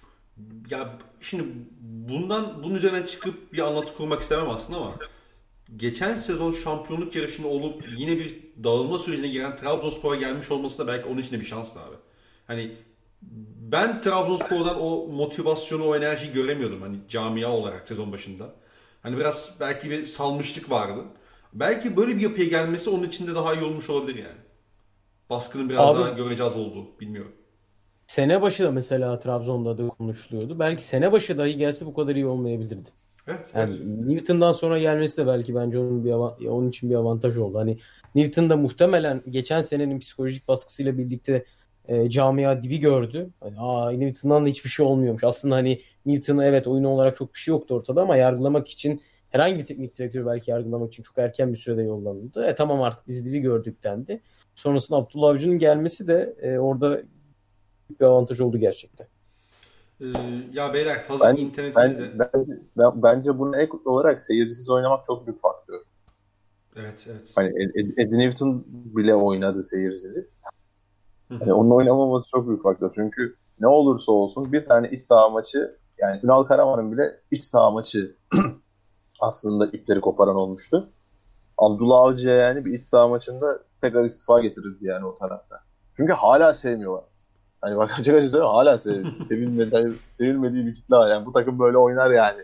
yani biz kaç haftadır kazanıyoruz ama zaten bu lig hani hepsi kötü. Biz zaten kazanırdık şeyinde olanlar var yani. Bir de Abdullah Avcı'nın şeyde de şansı iyi gitti açıkçası. İlk haftalar o 1-0'lar falan vardı. Ankara gücü deplasmanı falan. Onlarda da şansı yaver gitti yani kendisi. Şey mi diyorsun e, kardeşim? E, geriden Abi, ayağa pasa çıkmak bu kadar zor ben olmamalı. Sana, ben sana şöyle söyleyeyim. Machiavellist bir yaklaşım olarak Machiavelli'nin iyi liderde iki tane şeyi vardır. Kriteri vardır. Biri e, hakikaten iyi nitelik. Diğeri de e, iyi bir talihtir. Tamam mı? Hı hı. Hani bu konuda da en büyük örneği Hazreti Musa olarak veriyor kendisi. Çok iyi lider ama şey dönemi olmasa hani Firavun'un da gücünü kaybettiği bir dönemde o taraflara gitmese hı hı. bunlar olmazdı diyor. Hani bu da Abdullah Avcı'nın hani nitelikleri güzel ama ekstra olarak da güzel bir talihe konduğunu da söyleyebiliriz yani artık. Çok güzel bir analizdi hocam. ee, ya beyler hazır internetimizde biraz sıkıntılıyken ben bu haftalık burada bitirelim diyorum. Bilmiyorum ne dersiniz. Avrupa'yı da bir sonraki yayına, soruları da bir sonraki yayına saklarız. Olur. Arhan abi zaten bizde daha gelir yani. Yani bak, evet evet yani evet o bir şey yapamıyoruz. Kendi sana biraz ya. karar vermiş gibi olduk ama hani öyle bir izlenim evet, aldık evet. kendisine. Aynen. Biraz emri vaki yapıyoruz ama. Bir de bir de bir Premier Lig konuşalım. şu anda yani şu anda Enes'in Batı'ya uzanalım. Şu anda Enes'in sesi bilmiyorum aslında biraz daha iyi geldi ama hani konuşmak isterseniz ben müsaitim. Abi ben de müsaitim yani. Size nasıl uygunsa. Tamam. Yarın da yaparız. Sonrasında her türlü. Tamam. Deneyelim abi o zaman. Ben deneyelim diyorum. Şansımızı deneyelim. Ee, çünkü Enes de Premier konuşmak için oldukça motive. Sen de motivesin. Ee, ya burada konuşacağımız iki maç vardı biliyorsunuz. Sen City, Tottenham ve Leicester, Liverpool. Ee, Arhan senle şeyle başlayalım abi. Ee, Liverpool'la başlayalım. Liverpool'un e, sen de hani e, Sokrates yaptığınız yayınlarda da bahsediyorsun aslında yaşadıkları problemlerden. Ee, Liverpool'un bu kadar aslında tepe taklak gitmesi tam olarak neyden başlıyor abi? Yani stoperlerinin gitmiş olması mı çok etkili oldu aslında ya da orta sahaların stopere kayması mı e, başka bir etken oldu yoksa hani bazılarının da hani insanın dediği gibi böyle bir mental yorgunluk var mı Liverpool'da bir doymuşluk var mı? Ben katılmıyorum ama. Ama ben Liverpool'un sene başından bu yana hani geçen sene pandemi hiç olmasın gidip Liverpool dünya rekorları kırsın. E, tarihin en büyük şampiyonluğunu elde etsin ama sonraki sene eğer şampiyon olursa o şampiyonun daha değerli olacağını düşünüyordum. Çünkü o kadar adım adım adım adım adım adım geldi ki Liverpool bir yerden sonra zaten zirveden sonra aşağı inme e, zaten doğanın kanunu. Onun haricinde yani bu olmayabilirdi söylediğim. Onun haricinde de e, tabii ki sizin ürettiğiniz teze karşı bu kadar iyi bir takıma karşı geri kalan 19 takımda bir antitez üretme e, çabasında. Onu sezon içerisinde evet Watford 6-3-1 ile belki biraz göstermişti. Sonraki senede e, başka şeylerin olacağı da çok aşikardı. Evet belki Liverpool'un yenildiği ya da puan kaybettiği maçlarda hani master class seviyesinde şeyler görmedik ama ne olursa olsun insanların biraz daha farklı bir şekilde e, yaklaşacağı gözüyle bakıyordum. Ben o yüzden şampiyonluk adayım hı. Manchester City'ydi sene başından bu yana gelinen noktada da tabii ki sakatlıklar Van Dijk'ın e, yokluğunu sadece stoperde yarattıklarıyla değil senin de abi bahsettiğin gibi orta sahadan oraya adam çekmeniz e, ve orta sahadaki yoğunluğu düşürmenizle de e, ilintili. Ama zaten bunları pek çok yerde e, siz de konuşmuşsunuzdur. Zaten her yerde de yazılıyor. O yüzden çok fazla üstünde devam etmeyeceğim ama e, bence Liverpool'un son birkaç haftada özellikle Burnley Brighton maçlarındaki en büyük sıkıntılarından birisi oyunun e, baskı evet hala kötü bir baskı yok. O PPDA'lar vesaireler veri olarak da görebiliyorsun baskınlığı devam ettiğini ama oyunun o e, keskinliği, ya kontradan o keskinlik birkaç pasta bir anda rakip kalede bulup kendini e, atakları sonlandırması ya da orta sahada o yoğunluktan ziyade o bahsettiğim orta saha gücünün kaybolması tepe taklak etmiş duruyor ve biraz daha yavaş akan bir oyun var Liverpool'da bence. Bu bir tane pace to goal diye bir veri var e, StatsBomb'da ona baktım. E, biz de İngiliz haftasını çektik bir saat önce falan. Oradayken ona bakmıştım. E, biraz kompleks bir veri ama aşağı yukarı ne kadar yüksekse bu veri, pace to goal verisi sizin o kadar hızlı şekilde kaleye gittiğinizi gösteriyor. Geçen seneye nazaran %30 azalmış Liverpool'da. Bu da orta sahada o hızlı şekilde topu kapıp gitmelerin e, ya da defansın hızlı bir şekilde rakip kaleye gitmelerin azalmasını ve zaten Jurgen Klopp'un alameti farikası ilk geldiği günden beri bu. E, o da topa sahip olma oyununu 2016-2017'den sonra yapmıştı ve o süreye kadar her zaman topu en, en hızlı şekilde kapıp rakip kaleye gitmeyi planlayan bir hocaydı. Bunların azalması elbette bazı şeylerin de kaçınılmaz sonunu getirdi bence. Ama e, son olarak şunu söyleyeyim. Hı hı. O ben bazı şeyler o hikayenin bittiğini vesaire olduğunu pek düşünmüyorum. Yani böyle bir şeyler okudum geçenlerde hani e, buraya kadarmış Liverpool'un şeyi falan öyle onlara pek hiç katılmıyorum açıkçası. Ee, Enes sana şöyle bir soruyla hmm, Liverpool konusunu aktarayım. Şimdi yani sen bizim mevzuya mı geleceksin direkt? Efendim? Direkt Thiago'dan mı gireceksin? Hayır hayır. Ona sen girersin kardeşim zaten. Yani onda ya onu bana bırak lütfen. Onu sana sezon bırakacağım. Başında, zaten sezon başında o, o kadar ters gittik. El alemle dalaştık. bir dakika bir dakika. Ona sen kendin kendin ayrıyeten bir şey olarak gir kardeşim. Ayrı bir ya da topik olarak gir ona ben bir şey demeyeceğim. Destekliyorum da seni o konularda sıkıntı yok ama e, şey e, sen Liverpool aslında şeyden beri beğenmiyordun. Özellikle ilk o pandemide Pandemi verilen aynen aradan e, aranın ardındaki o süreçte de zaten beğenmiyordun Liverpool'u. E, sen Liverpool'un pandemiden sonra tam olarak nelerde sıkıntı yaşadığını düşünüyorsun? Ve neden beğenmiyordun Liverpool'u? Ve aynı problemler mi bu sezon devam ediyor? Yoksa hani onun dışında gelişen hani sakatlıklarla birlikte tabii ki e, başka problemler mi ortaya çıktı Liverpool'da? Nasıl değerlendiriyorsun? Ve bu maçta neleri gördük? Biraz da saha içine seninle girelim. Abi şöyle ben zaten dedim ki pandemiden beri beğenmiyordum ama onun öncesinde de hani Arhan'ın söylediği o kontra argümanlar ya da kontra tezler üretilmeye başlanırken birkaç tane üretilmişti aslında. Mesela Napoli Ancelotti'si üretmişti. Sonra geldi Everton'da da üretti. Sonra pandemi sonrası bir Burnley 4-4-2'si var. Crystal Palace'ın 4-4-2'si var. Çok büyük problem çıkarttı. Aston Villa 4-4-2 oynadı son dakika ben hafta. Hani aslında elde bir materyal vardı 4-4-2 ile. Bu 4-4-2'yi geliştirdi birazcık Premier League takımları. Buna ek olarak ben neden beğenmiyordum? Yani bunun birkaç tane sebebi var. Birincisi Henderson yanlış hatırlıyor olabilirim. Buna tek, çok emin değilim. Şeyden sakat döndü. Pandemiden sakat döndü. Dolayısıyla o orta merkez üçlüde Henderson rolü Henderson da değil sadece. O orta üçlüdeki üç oyuncunun da rolü elle çizilmiş gibi. Tamam mı? Hakikaten elle çizilmiş. Bakıyorsun diyorsun ki Henderson'ın olduğu bölgede ne istiyorum ben? İşte Salah sol ayağıyla içeri dribling etsin. Arkasına şey binsin, Trent binsin. Önüne de Henderson binsin diyorsun. O zaman bakıyorsun Salah ya şut atabiliyor ya çizgisinden gelenine verebiliyor ya da Henderson'a verebiliyor. Roller hakikaten eline biçilmiş gibiydi. Fabinho diyorsun işte gitsin stoperin sağından top alsın. Gini Wijnaldum diyorsun solundan alsın. Ayrıca diyorsun bekleri çıkartabileyim bu heriflerin hepsinin de diyorsun bek şeyi olsun. Geçmiş olsun. Hepsinin var bek geçmişi düşünüyor. Wijnaldum'un var. Şeyin var, Henderson'ın var. Fabinho zaten. Var. Üçünün de var. Hani mü- müthiş şeyler hani elle biçilmiş düzeyde. Bence zaten en büyük problem o. Bence Liverpool üzerine gitmesi gereken en büyük problem o orta merkez üçünün bozulmasıydı. Ama bence Henderson oyunu zayıf kılmıştır biraz daha. Ama hani mesela oyunu 9'dan 8'e düşürmüştür onun üzerinden. Ama Fabinho'nun varlığı ya da Fabinho'nun eksiği oradaki en net kriter. Ben zaten bunu şeyde de söyledim. Thiago transfer olduğu gün söyledim ben bunu. Çünkü belli oraya transfer edildi Thiago. Çünkü hı hı. iyi diye adlandırdığın pozisyon orası onu. Değil mi? Evet. Aşikar 6 diye adlandırıyoruz Thiago'yu. Burada oynar diyor. Ya ee... Bayern'de zaman zaman işte şey yani 2-8 ile birlikte o da hani oyun kuran 6 gibi oynadı. Zaman zaman çift pivot oynadı olmuş kim işte vesaire. Ama ben çift pivot Kimmich'e daha çok beğeniyordum. Hani senle de çok o dönem muhabbetini yapmıştın ya hatırlıyorsun.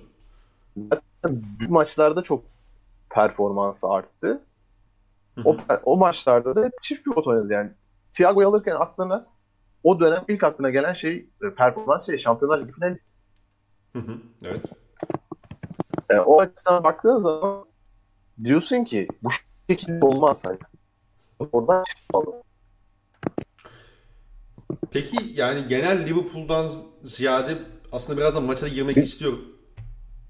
Ee... bir de şunu söyleyeyim. Arhan'ın söylediği o pace to uh, goal ya pace per goal şeyinde de şöyle bir nokta var. Bence herkesin çok atladığı bir nüans bu. Joe Gomez'in varlığı burada çok atlanıyor. Hakikaten ben Türk medyasında bunu çok görüyorum. Joe Gomez acayip atlanıyor. Çünkü baktığın zaman Van Dijk'ın eksikliği evet şey olarak büyük bir eksik. Hani stoper özelliği olarak eksik. Liderlik özelliği olarak eksik. Kornerde takımın boyunu yükseltmesi olarak defansta az gol yeme, hücumda gol atma olarak büyük eksik. Ama mesela örnek veriyorum bu istatistikte Van Dijk'ın Van Dijk'la eğer Joe Gomez'in önemini kıyaslayacaksak Joe Gomez burada daha önemli. Van Dijk çalım yemiyor diyorsun çünkü geriye adım atıyor. O hamleye gelmiyor. Joe Gomez o yanındaki hamleyi erken yapıp gerekirse çalımı erken yiyip ama topu erken kazanmalısın zaten. Sen ön tarafta pres yapıp hızlı bir şekilde rakip kaleye gitmek istiyorsan Joe Gomez oynuyorsun aslında. Hı hı. O yüzden Joe Gomez'in varlığı bu, bu tip istatistiklerde çok değerli. Ama kimse dillendirmiyor. Ben onu anlamıyorum. Yani Joe Gomez'i ben 2018'den beri özellikle takip ediyorum. Joe Gomez'in gittiği dönem o Liverpool'un rekorla ikinci olduğu dönem. O beraberliklerin geldiği, gol yemeye açıldıkları dönem. Matip sonrasında form tutabildi ancak. Bunları çok atlıyor bence medya. Ee, ve şeye katılmıyorum ben genel manada bu Firmino'nun sahte 9 artık takip edilmiyor eleştirisine. Çünkü eskiden de şey olmuyordu yani Firmino'yu kapalı low block'ta savunduğunuz zaman Firmino'yu çoğu takım takip etmiyordu zaten. Zaten low block'ta savunduğunda ne kadar takip edebilirsin ki? Mesela evet evet yani ne kadar geleceksin değil mi? Tabii. Yani da... uzun süredir takip edilmiyor. Yeni bir şey değildi yani bence. Ya burada tabii sen spor Türk medyası falan deyip böyle arkana da bir taş atmış gibi oldun. Ben öyle hissettim ama. Yok abi. şaka yapıyorum ya. Şaka yapıyorum. Ee... Yok, ya, Ar ya Arhan biz Sokrates alacak ya biz Arhan'ı bu Sokrates'ten alacağız. Bu gidişten sonra bu, bu, bu yolda ilerliyor. Abi bizde de bu arada Belçika'da Euro cinsinden para kazanan bir arkadaş var. Bak bizi düşünebilirsin bu arada. yani adam Belçika'da mokyajlık yapıyor yani. Abi, her, her, her gün daha değerli adam noktalara gelebilirsin. üçüncü şahıs olarak bahsetti ya. yani burada değil. Şu an. Ya kardeşim neyse adamı yerine yılına yetmeyen şimdi durduk yere Onur Erden bana mesaj atmasın yani. ne, ne diyorsun lan sen falan diye. Kendilerine buna selamlar. Sen de şey beklersin. Teklif ediyor. ya şey videosu var ya ben atmıştım bugün Twitter hani benim aşkım bir gelmiş falan böyle. ben o ben o kazak olurum karşısında yani. Hiç gerek yok o muhabbete. Ee, Arhan peki şimdi Enes girmedi maça. Sen istersen biz yavaş yavaş Leicester maçına girelim. Ee, sen nasıl maçı gördün? Ee, Leicester maçı kazanmayı bildi. iki Türk stoperle tabii karşılaştı. Çağlar ve Ozan. Hani Ozan'ı yargılamak için ya da Ozan üzerinden bir şeyler konuşmak için belki biraz erken olabilir ama hani ilk maçta Ozan'ın performansı nasıldı? Neler gördün sen e, Leicester City Liverpool maçında? Abi bence e, Leicester'ın golüne kadar Liverpool'un daha iyi oynadığı bir maç vardı. Sonrasında e, bu Barnes'ın Vardy'yi çiftlemesiyle baklava 4-4-2'ye dönülmesiyle birlikte değişti oyun biraz. ee, bunun etkisi de Ozan'a bence kötü yansıdı. Çünkü Klopp maçtan sonra ikinci golü yiyebiliriz. Bunda bir sıkıntı yok ama üçüncü golü kabul etmiyorum dedi. Ki kesinlikle e, doğru bir şey bu. Yani ikinci golü dünyadaki her takım yiyebilir. Yani bundan iki hafta sonra City'de yiyebilir. Ederson çıkar. E, Stones'u görmez. Olur ama üçüncü gol o kadar hani ekspoze kalmış ki savunma. Ozan zaten fiziksel olarak çok yavaş bir oyuncu. Öyle ama... değildi ama. Galatasaray'dayken Galatasaray'da böyle değildi. Galatasaray'dayken Schalke performans çok etkiledi ya. Schalke hakikaten aşçısını bile geriye götürebilen bir performans sergiliyor iki sezonda. Bir de Galatasaray'dayken muhtemelen e, yani en azından mücadele bire bire girdiğinde onu bir şekilde kapatıyordu. Ama e, burada Barnes yani sadece Ozan'da da suç yok bence üçüncü golde. O kadar rahat bir şekilde orada elini kolunu sallayarak bulunmaması lazım. Hani onu diyecektim. İkinci golü her takım yiyebilir ama üçüncü golü yani Big Six'ten hiçbir takımın yememesi lazım. O kadar kötü bir gol. Ee, bu gerçekten çok etkileyici. Bir de şu aklıma geldi ben Liverpool maçını izlerken. 5-2'lik e, City maçında da iki farklı 5 ya da 10 dakikada 4 gol bulmuştu Leicester. bugün Aynen. de e, cuma işte cumartesi günü de adam 7 dakikada 3 gol buluyor. Gözünü açıp kapayıncaya kadar Leicester e, seni paket edebiliyor gerçekten. Çok değerli bir şey bu. E, paketelli roketelli olabiliyorsun yani. e, e, Enver evren tilt olabilir. Dur şey ya. Cem Yılmaz'ın bir şey muhabbeti vardı yani askerlik dayak muhabbeti. Ben hiç görmedim. Çok hızlıca yani etti falan derdi ya. Hani Leicester'e karşı da. Gerçekten öyle yani. İşte böyle futbol podcastinde de Cem Yılmaz şakamı Aynen. ortaya bırakıyorum hala, abi. Hala yedirmeye çalışıyorsun Cem Yılmaz şakaları. ben Liverpool konusunda bir de ekstra olarak şeyde çok doluyum ben. Trent mevzusuna acayip bir noktadayım. Bir dakika ona, ona ben gireceğim. Bir dakika ona ben de gireceğim. Abi girme sezon, ulan girme. Bunu, sezon başında söyleyeyim. sezon başında Fantasy Premier Lig'de aldım. Ya ben sana alma dedim. Uzmanları yo al dedin. Trent alma dediğim uzman, eminim. Uzmanları dinledik, aldık. Ya sen bizi kepaz ettin be. Yani hakikaten Trent. Yani ben bir şey demek istemiyorum sana. Skandal bir performans. Trent... Biz biz bıraktıktan sonra da Liverpool gol yememeye başlamıştı bu arada. O da ayrı bir şey oldu tabii. Bu düşüşü bekliyordum ama şeyden hani hep söylüyorsun çünkü baktığın zaman çok fazla top kullanıyor. Ee, geçtiğimiz sezon ligin en çok top kaybeden oyuncusuydu Trent Alexander-Arnold. Ben bunu şeyde izledim. İstanbul'da canlı izledim. Yani polis için karşısında düştüğü durumdan ziyade hakikaten yavaş da koşuyor. Ve savunma yapmaya koşmuyor yani. Çok belli. Arkasında Joe Gomez'in var da çok rahatlatıyordu onu. Joe Gomez'in o bekten kırma zaten Joe Gomez'de. Hani o yüzden kanat oyuncusu nasıl karşılanır daha iyi biliyor daha çok kademeye giriyordu. E, Joe Gomez çıktı. Matip girdikten sonra da mesela daha çok problem yaşamaya başlamıştı ama yine kapanıyordu o kadar. Şey değildi. Hani o eksiler o kadar göz önüne gelmiyordu. Hı hı. Ama o şeyden sonra Matip de gitti. Gomez de gitti. Fabinho, Fabinho o kadar şey olarak iyi bir performans veriyor. Bir stoper olarak iyi bir performans veriyor. Yerinde bölgesinde iyi veriyor da ama bu adam da stoper değil ki. Bu herife de bu kadar yüklenmeyin ya hakikaten Trent'teki düşüş şeyin düşüşüne çok benziyor. Marcelo'nun düşüşüne çok benziyor. Marcelo da bir sezon sonra formayı kaptırdı o şeyi. Üst üste kazandıkları şampiyonlar liglerinden sonra. Ondan sonra yerine adam arıyorsun.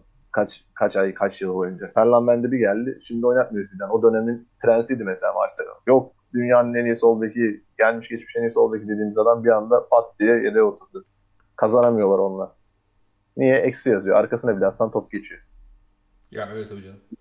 Hücuma alışmış Bekin savunma yüklerinden kurtulması mevzusu çok tehlikeli ya. Zaten yanlış hatırlamıyorsam ben Can Çalışkan'la böyle bir muhabbete girmiştim. Can Çalışkan'ın söylediği şey de şuydu. E, istatistiklerini e, genel böyle bir futbol datasına soktuğumuz zaman şunu görüyoruz diyordu. David Beckham'la eşleşiyordu şey diye, trend.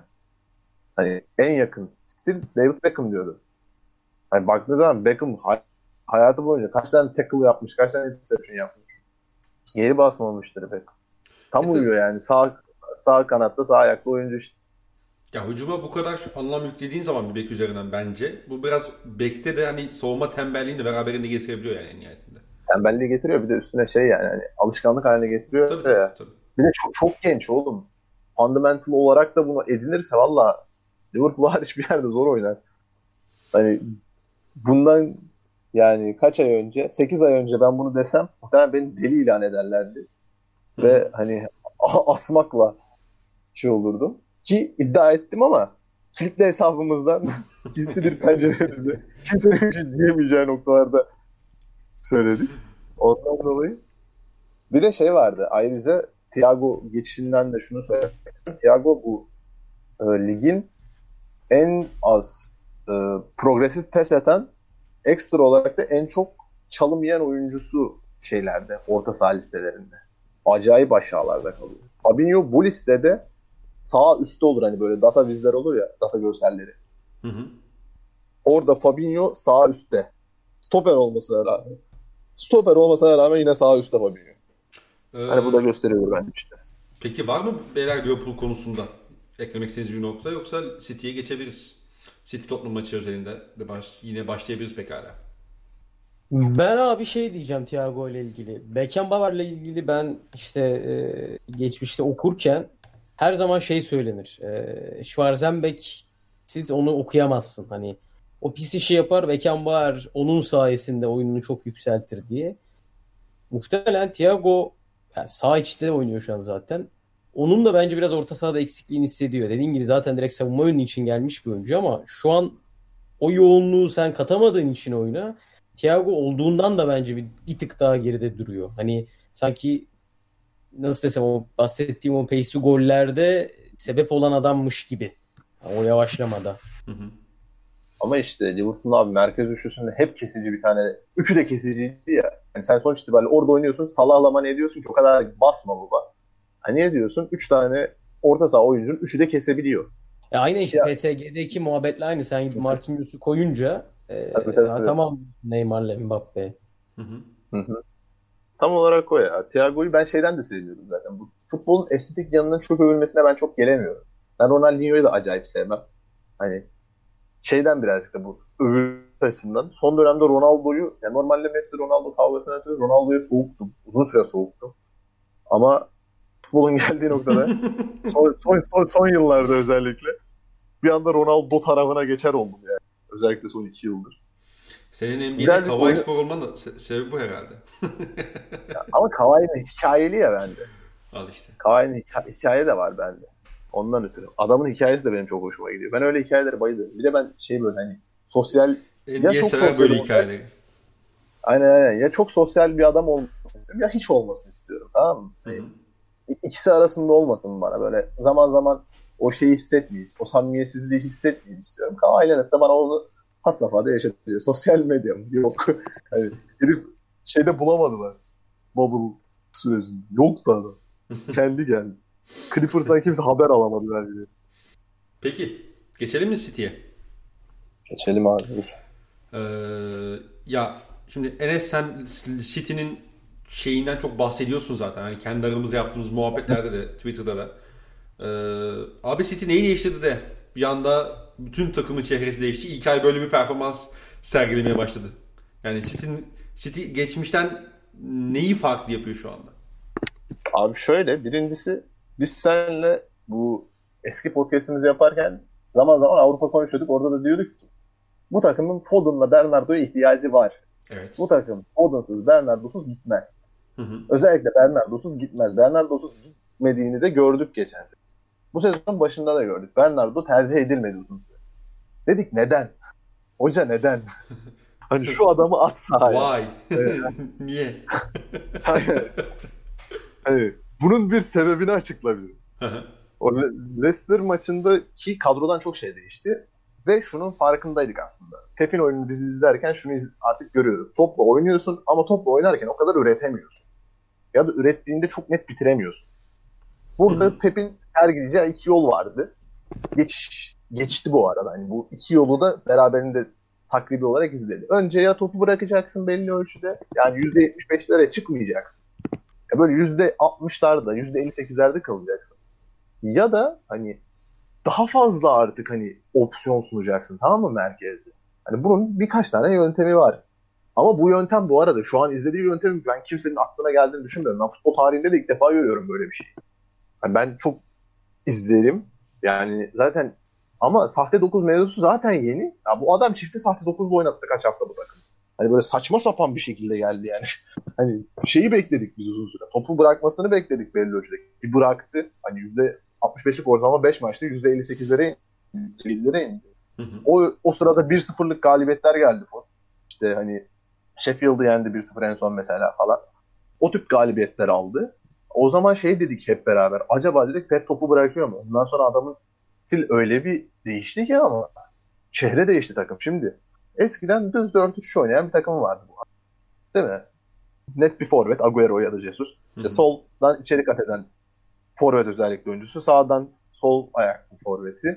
Ya baba bu takım bir anda böyle çehre değişmesini hiç kimse beklemiyor. Kyle Walker'ın kim yedek kalmasını bekliyordu. Kimse beklemiyordu. Ben açık açık söyleyeyim. Gittiler Cancelo'yu abi Fosbeck oynatıyor. E, Cancelo Fosbeck oynarken şu an Kevin De Bruyne'ini kaybetmiş. Sen rahat rahat mesela Şamlık adayı nasıl diyebiliyorsun değil mi? Şu an diyorsun ama. Bern Bernardo'yu denkleme soktu. Bernardo'yu sağ kenardan sokmadı denkleme. Bernardo'yu merkez ikilisine, merkez iç sağ merkez içe soktu. Hı hı. Bu takımın en büyük eksisi Rodri'ydi geçti. Tek pivot oynattığı her maç sıçtı. Her maç sıçtı. Çünkü şey değil, bel sahip O şeyde problemler yaşıyor. Çift pivotu arıyorsun. Onu zaman zaman İlkay'la oynattı. Zaman zaman Fernandinho ile oynattı. Bu probleme de çözüm getirdi mesela. 3 4 problemi 2-3 tane hamleyle falan beraber çözdü. Cancel'ı oraya getirdi. Zaman zaman Rodri'yi çift pivot oynattı. Dolayısıyla buradan rahatladı. Bu bir. Sonrasında sol bekte normalde sezon başında falan saçma sapan Nathan Ak denedi, Benjamin Mendy denedi. Tutmadı hiçbiri. Benjamin Mendy'nin daha da tutacağını düşünmüyorum. Sol bekte Zinchenko'yu ya da herhangi bir X ya da Y şahsını geldi. Oraya da false back attı. Bir anda baktığı zaman her hücumda sağdan ya da soldan bu takımın pivotları üçlendi. Her hücumda. Sonra üstüne Bernardo'yu attım. Bernardo Cancelo Portekizliler zaten. İkisi birbirleri de arasında da hani dil olarak bir uyum sağlıyorlar. O bölgeyi Bernardo ayrıca korumaya başladı. Cancelo, Bernardo beraber gelmeye başlar. Ortada İlkay'ı da rahat rahat öne atabildin.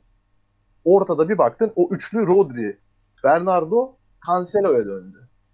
Bu süreçte Forvet'te Jesus oynadığı zaman İlkay'ı ileri attın. İlkay ile Jesus beraber çift forvet gibi oynadılar. Yandan Sterling geliyor ya da Mahrez geliyor sağdan. Soldan Foden geliyor devam. Yani bunu da eskiden bu takımın merkezinde 3 tane ya da 5 tane adam sayıyordu. Hani 4-3-3'ün kanatlarıyla beraber 5 adam sayıyordu. Şimdi 2 tane false back var. Jesus'un olmadığı dönemde Foden oynadı orayı. Kimi zaman Bernardo oynadı. 6 tane adam çıktı ya. 6 tane adam çıktı. Adam 6 hatta Fosbeklerle 2 tane adamı bıraktı en geriye. 7 tane adamla oynuyordu ya. 7 tane adamla merkezde oynuyor ve forvetinin olmadığını fark ettiği ve rakibinin üçlü oynamadığı sistemlerde şut attırdı. Eskiden ceza sahasına girme obsesif olan bu adam şimdi üçlü oynamadıkları zaman rakiplere çünkü üçlü oynadığı zaman üç tane adam oluyor. Dolayısıyla kaleye gitme oranı daha çok azaldığı için ve kontralarda da arka iki beklerinin boş olduğu için üçlü oynamadıkları her senaryoda şut atmalarını söylüyor. İlkay'ın o müthiş yükselişindeki ana formda mesela attığı gollerin hepsi spektaküler. Attırdı hep şut attırdı. Ceza sahası girme obsesif olan takım bir anda uzaktan şut atar oldu ya. Herkes uzaktan şut atıyordu. Foden şut atıyor. Foden Liverpool maçında attığı gole baksana ya. Acayip bir takım oluşturdu bir anda. Ben böyle bir e, çözümü tahayyül etmedim hiç. Herhangi birinden de tahayyül etmedim. Hı hı. Hani normal bir çözüm de değil bence. Hani topu bırakmak çok hani sade, şık bir çözüm. Ama 2-7-0 oynamak için mantıklı bir çözüm değil yani. yani. Adam bir anda böyle farklı bir metodu sokarak hayatımıza ufkumuzu açtı. Futbolun aslında hani kafa yorulunca farklı farklı noktalara gidebileceğini, matematikle alakalı olduğunu gösterdi bize baya. ne diyelim Allah razı olsun diyelim yani. Laporta kötü durumda. Stones koydu. Stones'tan da tam verim alıyor. Allah diyecek hiçbir şey yok yani. Ellerine sağlık. Saygılar diyoruz yani. Yani bu maç bu maç özelinde de bunlar yaşandı yani. İlk ay gitti işte Jesus oynarken. ben bu, bu maç üzerinde bir şey söylemeyeyim yani daha fazla. Yeterince söyledim. Hocanın söyledi. Ne söyleyeyim abi? Çok güzel konuştu hakikaten. Arkan bilmiyorum City konusunda eklemek istediğin bir şey var mı? Belki topluma değinmek istersin bu maç için. Bu maç özelinde. Ee, varsa City Tottenham maçıyla alakalı. Bu iki takımla alakalı yorumlarını alayım.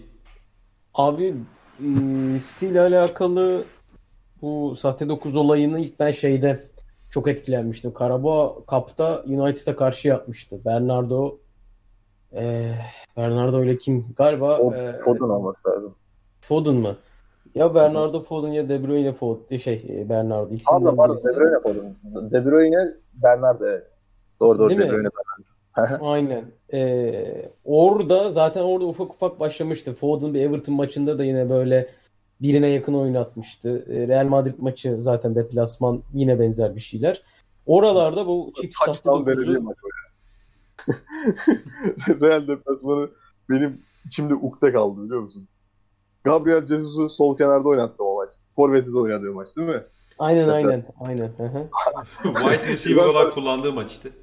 Biraz da Aynen refer 80 dedik. dakika 80 dakika Jesus'u ceza sahasına sokamadı maç. Ben izlerken çıldırmıştım o maç. Full Jesus topu alıyor çizgiye kadar iniyordu. Touchdown diye bağırıyordu. Evet İşte abi. o maçlardan beri bir zaten sahte 9 muhabbeti vardı.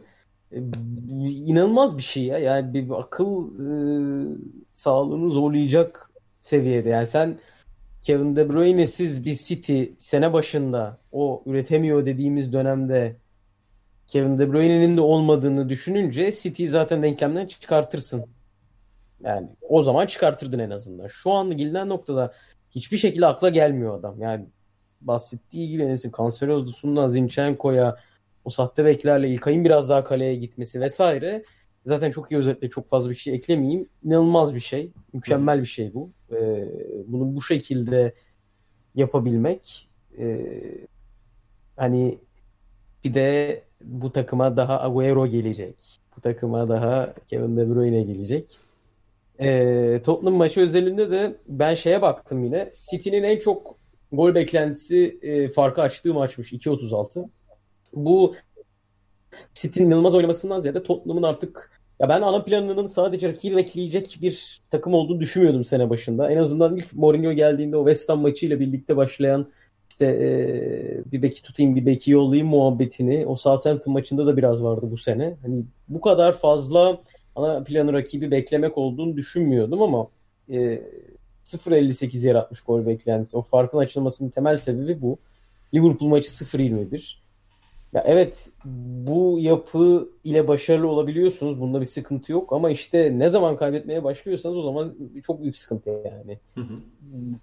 Kazanamadığınız her maç sizi haksız, kazandığınız her maç sizi haklı çıkartan abuk sabuk bir şey bu. Ee, bu da zaten muhtemelen en büyük sorun Tottenham'ın ben işte yanılmışım orada. Hani ben bir şeyleri var sanıyordum.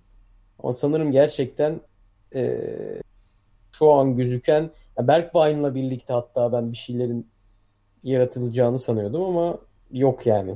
Ortada ne yazık ki pek bir şey göremiyoruz. Abi Tottenham'ın zaten yükselişini aslında daha doğrusu düşüşünün eleştirilmediği ya da eleştirilmek üzere olduğu maç şeydi. Bu sezonki Southampton maçıydı. Hani ilk yarı İlk kere zaten Southampton yani tokat manyağı yapmıştı ya. 2-0'dı mesela. Orada Mourinho Harry Kane'i sahte 9 gibi ya da 10 numara gibi oynatıp stoperlerden birini yerinden edip sonra oraya sokma işini o gün denedi. Aynen Tuttu. öyle. Aynen. Ondan sonra ondan sonra bırakmadı ve tek onu yaptı Aynen. işte. Problem o. Hani Ya o da zaten ben eee, o Newcastle maçından önce miydi sonra mıydı? Sanırım önceydi. önce önce önceydi. Eee ikinci hafta falan galiba. Üç mü?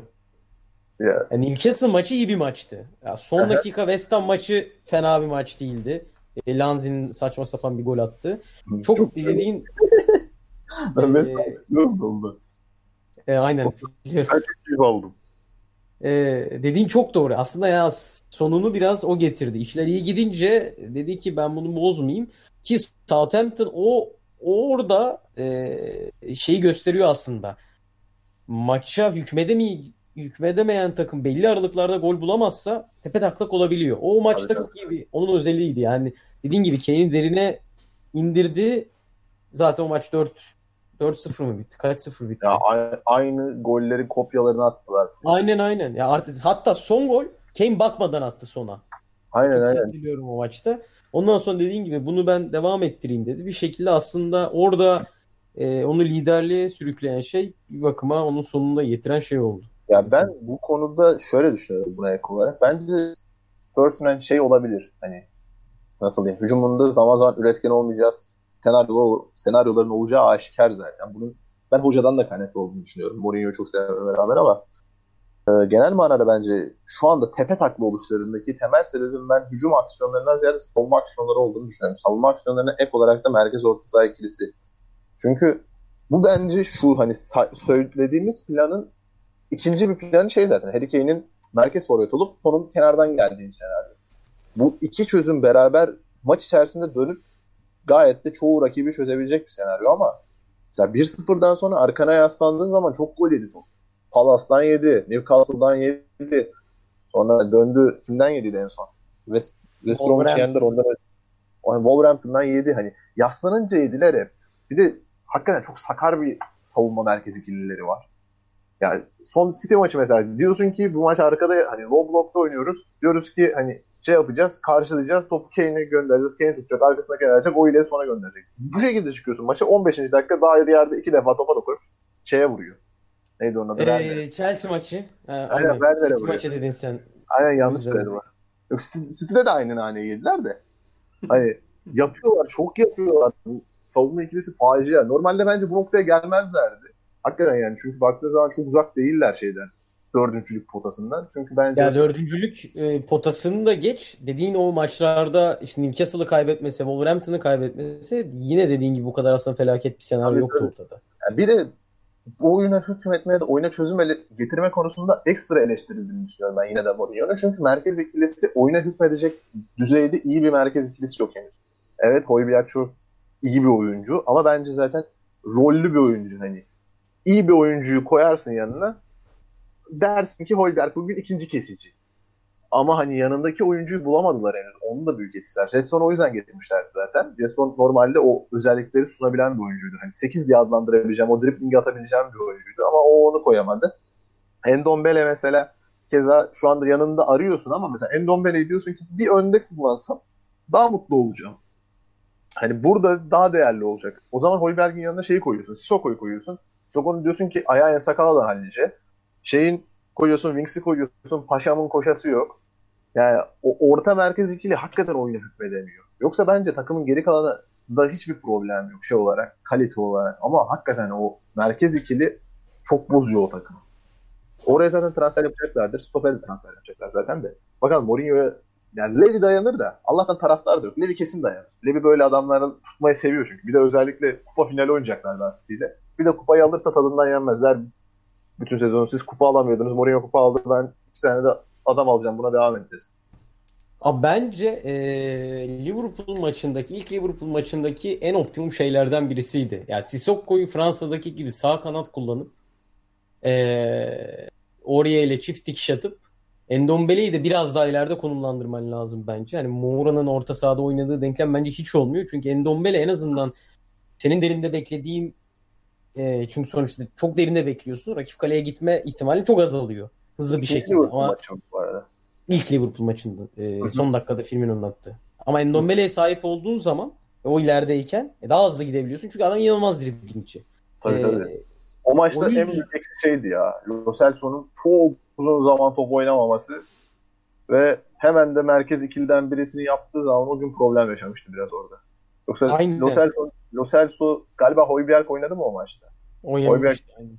Yani orada tercihi değiştikten sonra daha iyi oynamışlardı. Çünkü devrenin başında mı ne Lo Celso'yu çıkarttı. Bergwijn iki tane pozisyon yakaladı. Zaten birini atsa belki de ba- başka bir Tottenham yoluna gidecektik belki de. Aynen. İşte kader hocam kader. İyi de bir talih lazım. Aynen. Aynen öyle abi. E, kesinlikle katılıyorum. En son diyeceğim bence de o Endombele'nin ileride olduğu e, Højbjerg'in yanında da birinin geldiği denklem. Belki Sissoko kanatta olup e, bilmiyorum ama Endombele Højbjerg kesin yanına biri lazım. Ya bunların bir de Tottenham'da hep şey vardı. Pochettino şu anda da konuşuluyor zaten. Birkaç kişiden gördüm. Pochettino'nun yükseldiği dönemde biz önce şeylerden kurtulduk dediler. Çöplerden çıktık dediler. Hani bu işte Fredericks gitti, Chadli gitti. işte bilmem birkaç kişi daha gitti şimdi tam adını hatırlamıyorum. Bu isimlerden kurtulup yer- yerlerine o zaman ancak bu adamlardan gelmiş parayı da genere ederek e, yeni adamlar getirdiğimiz zaman biz biraz daha yükseldik dediler. Şu anda da bence ayrılması gereken belli başlı isimler var. Yani başta Harry Winks olmak üzere. Hakikaten başka kuruluyorum çünkü ben Harry Winks izlerken. Pochettino'nun da bu adamı izleyip ben bu adamda Iniesta potansiyeli görüyorum demesine de açık açık söylemek gerekirse alındım. Hani ne gördün de hoca böyle bir şey dedin. Hani yıllardır izliyorum hani ara ara diyorum ki bak diyorum Enes bu adam böyle bir şey dediyse vardır bir bildiği. Ama yıllardır göremiyorum. Sağ olsun bu sezonda kendisi ispatlıyor bunu. Kenarda bench'te oturarak. Normalde Dele olsaydı bu arada. Dele ile planları vardı bence Mourinho. Zaten belgeselde de söylüyor. Aynen. Ee, çünkü şeyine de hitap ediyor. Topun arkasına geçtiği senaryoda da o savunma sertliğini getirmesiyle hitap ediyor. Çünkü boyu uzun. Tabii ki. Şey zaten en büyük muhabbeti buydu. Ayrıca bitirici vuruşu da var. Yani ke- kendi kendine yazık etti o da. Hem Bence tam on numarası. Evet evet ben ilk geldiği zaman öyle bir performans bekliyordum kendisine. Zaten bence ilk özel görüşmeyi de bu arada Dele ile yapmıştı. Belgeselde onunla. Hı hı. İlk onunla mıydı? Ya Kane'le ya onunla olması lazım aynen. Yani Kane, Kane'le zaten şey eleştirisi geliyordu abi. Kane'e bu 2-3 hafta gol atamayınca zaten Kane'e de sormuşlardı o zaman. Hani sen Mourinho ile oynarken o zaman rahat hissediyor musun? Çünkü ondan önce poşetle oynuyorsun. Kazanamasanız da gol atıyorsun. Şimdi bu adam seni farklı farklı rollerde daha savunma rollerinde kullanıyor. Golden uzaklaştırıyor. Sen bundan memnun musun? Soruların üzerine bir iki tane cevabı vardı Harry Kane'in ama Harry Kane'in gerek İngilizcesi gerek de iletişim kabiliyetinin birazcık düşük birlikte birazcık hani orta cevaplar vardı ve transfer söylentileri çıkıyordu o dönem. Hala var bu arada Manchester City konuşuluyor. Ee, ondan dolayı birazcık onu telafi etmesi açısından konuştuğunu düşünürsek bence Dele daha öndeydi. Ya kesin bir de tam abi yani e, Mourinho'nun takımlara bakıyorsun. Hem dediğin gibi savunmayı yapabilecek hem ceza sahası golcüsü. Hani gol sayısı da yüksek bir şeye göre. Komple paketti ki West Ham maçında hatırlıyorsun tamamen ilk Mourinho'nun maçı. Yerde yerden asist yaptı. aynen adam. yerden asist yaptı. Çeviren adamdı maçı yani. Yani oradan buraya gelmesi kötü oldu. Diyelim. Ama belli olmaz. Endombele ile de çok kötüydü. Artık Pardon. muhtemelen ama. Dele'yi, gönder Dele'yi gönderemediler ya. Dele'yi gönderme aşamasına kadar gelmeleri o işin birazcık orada koptuğunu gösteriyordu. Çünkü şey olsaydı eğer 2-3 tane transfer vardı aslında Dele'nin gitmesini rahatlatacak. Papu Gomez Inter'e giderse Eriksen Tottenham'a gidecekti. Dele de PSG'ye gidecekti. Ama Papu Gomez'i Inter alamadı. Dolayısıyla Eriksen gidemedi. Ve işler Dele için birazcık komplike bir hale geldi. Sağlık olsun. Peki beyler varsa son birer cümlenizi alayım yayınla alakalı. Yoksa kapatalım. Dolu dolu bir yayın oldu. Soruları da artık ilerleyen yayınlarda cevaplarız diye düşünüyorum. Ee, zaten Özgür abinin Bakayım ben. Belki soru var mı diye bakıyorum şu an. Sana var mı soru? Yani bir tane vardı da o şey zaten ya iki saate muhtemelen yaklaşık şu anda. Ee, o yüzden Yedirmiş miyiz peki? Hani mesela bende şey sorusu var mesela hangi yayın? hani bak bunu yedirmişizdir mesela. ya kardeşim olmadı hiç yerime. Ee, Yok şey var bak Sergen Hoca'nın değişikliklerin gecikmesiyle ilgili ne düşünüyorsunuz? Var o var mesela zaten hani cevap olarak. yani olumsuz düşünüyoruz. olumsuz düşünüyoruz. Yok yok zaten söylemişizdir hani bunun üstüne de konuşmuşuzdur o açıdan söylerim mesela. Hı hı. Özgür Turan'ın çok fazla sorusu yok diyeyim ben sana. Neyse biz bu haftalık böyle bu kadar diyelim. Ee, Ama ben Ar-. Arhan'a Arhan'a direkt cevabı var. Onu kaçırmak istemiyorum. Hadi, Allah Allah. şey yazmış. Arhan Atapilavoğlu'na saygım var. Gerçi saç tıraşı kötü olmuş demiş abi. Hadi buyurun. Abi saç tıraşıma kötü olmuş. Ya diğer saç insan kaçakçısı gibi ya. Yani buna kötü. Ya bu kötü olmuş olabilir ama diğerine göre kötü olduğu eleştirisine katılmıyorum ya. ya diğeri bence çok kötü. soy- Diğeri değil mi? Aynen.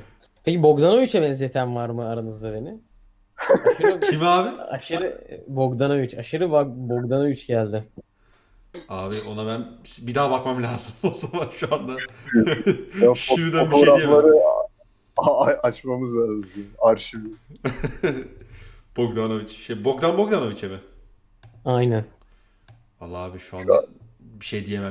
Vallahi bir şey diyemem ama da bakalım. Şu an kesinlikle bakıp ben, bu arada benzetmedim. Yani çok net. Ben, ben şu an bakmıyorum bu arada. Bakamıyorum çünkü sorulara da Yok abi ya çok Bogdanovic'e benzetemedim. Açık konuşmak. Hayatıma Sağ ol. Evet. Şöyle bir iki tane sorusu var. Bence soralım çünkü burada özel şey yapmaya gerek yok. Yani. Tamam canım sen sıkıntı yok. Çünkü hızlı hızlı cevap verilebilecek sorular. Hadi o zaman.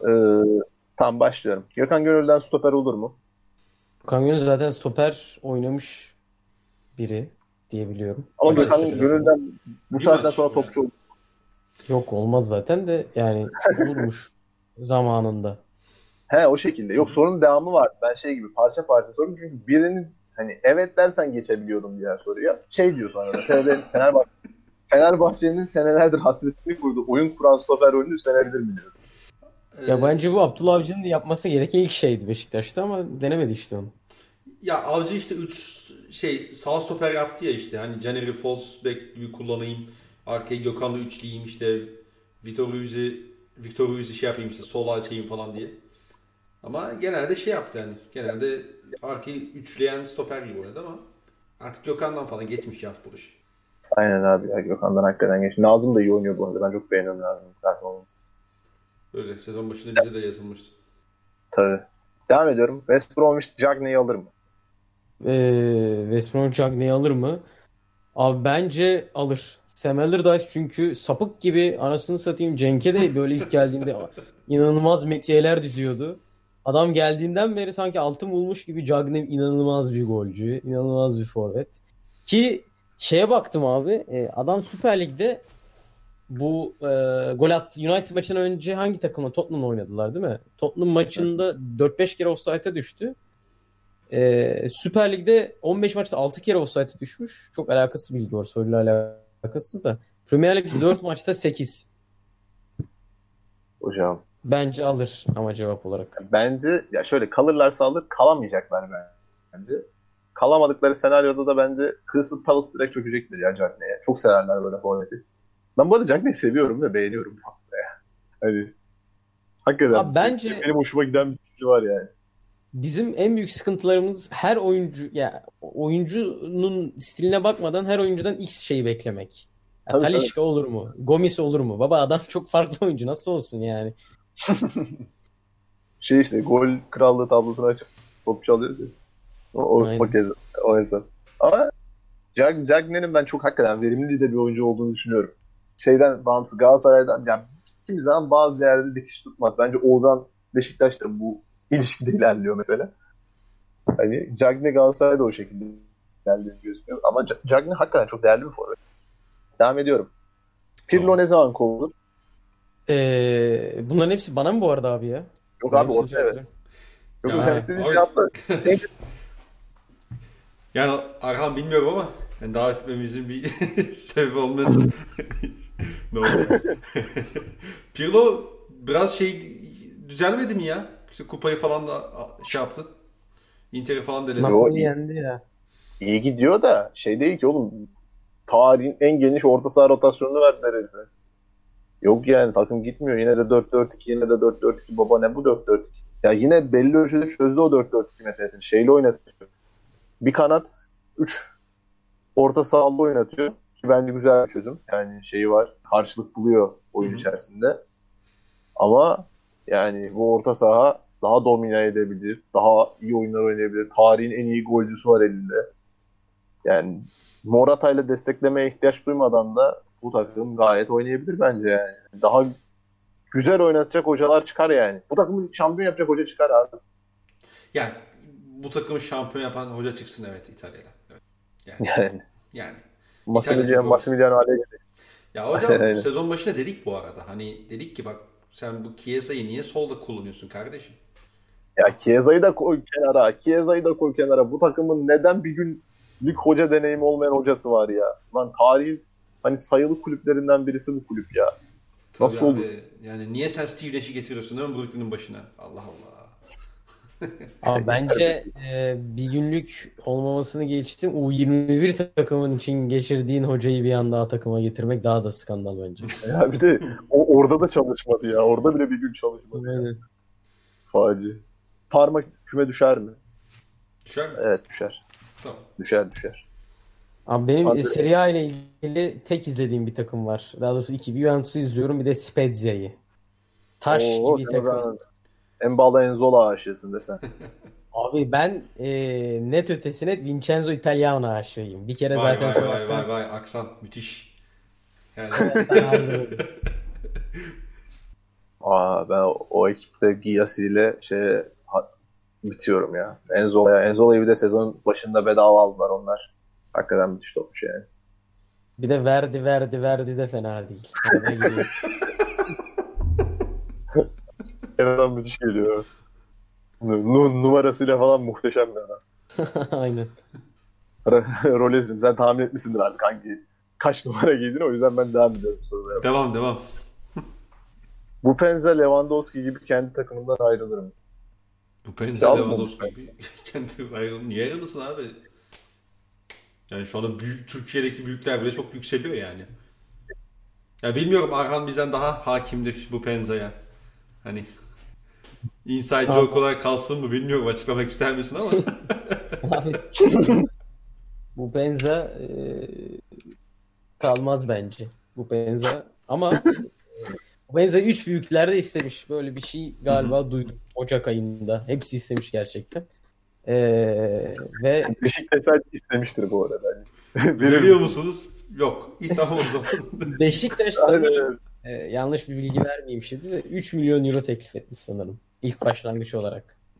ya şey e, karikatür var ya. Ne yapıyorsun lan denedim. Denedim. Aynen. Kille. Bu Penza bence gider ya. Ama ya tutar mı bilmiyorum ama gider.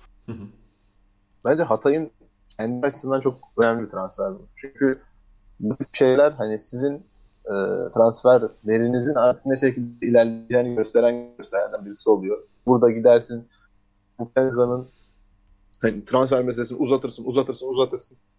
Türkiye'de X'de de Y ya da Z kulüpten birine satarsın. Bir üstüne hani birinden fiyat arttırırsın, diğerine satarsın falan. Hani bir anda kendini de şey dönemi hani bu adını unuttum şimdi. Adı Mehmet Gaziantep başkanına çevirirlerse o açıdan kendi adına kötü olur. Yani. Çünkü böyle süreçler çok da şey olmuyor. Daha insani şekilde yaklaşırlarsa mutlu olurum ben kendi adıma. Bir daha bence Hatay'ın oradaki artısı şu yani takımda bu Penza hariç hani satabileceği birkaç oyuncu daha var. Yani o açıdan da iyi. Orayı bir tane aynen Akintola, Kamara falan var. Alanya maçının son dakika kaçırdı. Tabii de enteresan- Ryan Abi- Ryan Abit de mesela çok başka bir oyuncu bence. Kalecileri Münir mesela Fasta Bono'nun arkasında duruyor. Aynen aynen. Ee, Abitti dediğin gibi kesinlikle. Bu şey de fena da değil. Katranis de enteresan bir çar. Onun galiba bonservisi yok ama. Onlar böyle şeyleri var ya. Son dönem Anadolu kulüplerinin menajer ilişkileri iyi ilerliyor. Güzel menajerlerle çalışıyorlar. Son olarak da zaten bitti o yüzden sorayım diyorum. Zemin sorununu nasıl çözeriz demişler. Demiş Özgür abi. Ee, bence zemin sorunu çözülecek bir şey değil ya. Yani çünkü böyle bir talep yok hiçbir kulüpten bence. Pazarlama Zemin- derdimiz olmadığı için ligi. Zemin işi çok basit çözülür de işte. Millette para yok. Dolayısıyla çözüm de cezayla geleceği için. E Onu yok da abi yabancı yabancı kuralıyla aynı şey işte. Güya yerli oynatana teşvik vardı. O da kalktı. Sen yarın koysunlar. Deseler ki zemini kötü olanı biz 1 milyon lira ceza. 5 hafta sürmez. 5 hafta sonra biter o. Geri Ya tekrardan zeminler. ekstra yani. Bence zemin, yani zemin bence zaten eleştirilmesi gereken bir konu. Hani ben bunu bir kenara koyuyorum. Ama daha bu ligde hani henüz tesisi olmayan takım var ya. Hani şimdi adamın Hatay- tesisi yok ya. Hatay mesela galiba e, Hatay stadyumunda yapıyor antrenmanlarını. Yani abi Karagümrük'ün var galiba ama. Karagümrük'ün tesisi yok ya. Karagümrük vefada oynuyor. Şeyden önce Beşiktaş maçından önce idman yapamamışlar. Böyle bir böyle bir şey mi olabilir ya? Bunlar amatörlük kulübü mü? Bölgesel amatörlük oynuyor bu. Ben farklı bir ülkeden biliyorum. Yani Kardeşim bu da çok- ben çok- şey yapıyorum. çok, çok rahatsız etti beni o şey. Yani Bertolacci'ye parayı yedireyim. Şeye parayı yedireyim. Diğer kulüpleri de kurtarayım. Ramazan Civele'ye göndereyim. Darri'yi göndereyim. Sabo'yu göndereyim. Diğerlerine de hani kümede tutayım. Atıf'ı göndereyim. Erzurum'u tutayım. Kayseri'yi tutayım. Ama bir tesis koymayayım. Ama böyle bir şey yok. Böyle bir şey yok. Berto, Bertolacci'yi getirme abi. Bertolacci'yi getirme. Alma Fener'den Adem'i ya. En son Cem Dizdar gibi çıkışlar yapıyorum bugün programda. Çok rahatsız ettim. Kendi kendime de dinlerken de böyle bir garip hissettim ama. Cem Dizdar da geri dönmüş. Aynen aynen gördüm onu. Yani o kadar gündeme uzaktık ki nereye gitmişti ki zaten diyecektim ama neyse hiç şey gerek yok. Ee, Peki aynı gün programımızın geri dönüşünde hani bir şey var mıdır? Bir olabilir. yanı var. Bilmiyorum. Ona bir bakmak lazım. Onu bir araştırmak gerekiyor ama isterseniz yayını burada sonlandıralım. Ee, çünkü bayağı bir yayın oldu. Şu anda kaç saat oldu onu bilmiyorum açıkçası. Ama dolu dolu bir yayın oldu. Ee, öncelikle Arhan'a tekrardan teşekkür etmek isterim. Ee, davetimizi kırmadı, bize vakit ayırdığı için. Ee, Abi ben çok teşekkür ederim davet ettiğiniz için yine süperdi. Yani sen sonuç olarak e, artık e, işte Şenol Hocam'la yaptığın röportaj olsun ondan sonra işte Londra merkez falan derken hani çıta biraz Abi yukarı çıktı. Yok abi işte her zaman. He? Ayrıca tebrik ederiz bu arada. Tabii, tabii. Hani, Rolez'cim Abi. katiyen tebrik etmese de kaç dakikadır abi sen, Sen- böyle yapmışsın böyle yapmışsın. Ya Heyecanındandır. sen- ya yok Heyecan. sen yayın öncesini bilmediğin için programı sen sen sen yayın Hayır dur lafımı bitireceğim. Sen yayın öncesini bilmediğin için böyle konuşuyorsun. Sen Evet, yayın doğru. öncesini bilmediğin için böyle konuşuyorsun. Biz seni bekledik. Neyse. Neyse çok yükselmeyelim artık. Gerek yok yani. Ee, abi tekrar Ee, abi çok teşekkür ederim. çok teşekkür ederiz. Enes'ciğim senin ağzına sağlık kardeşim. Teşekkür ederim ben de. Ee, dinleyen herkese teşekkür ederiz. Bir sonraki yayında. Herkese teşekkür ediyoruz. Evet devam. Ya bir sus be adam bir sus be. Bir sus artık ya. Keyif aldım bitiresim yok. Biliyorum. Biz sonra devam ederiz değil mi? Ee, Tabii Arhan da müsaitse. Ee, dinleyen herkese teşekkür ederiz. Bir sonraki yayına görüşmek üzere. Hoşçakalın. Hoşçakalın. Hoşçakalın.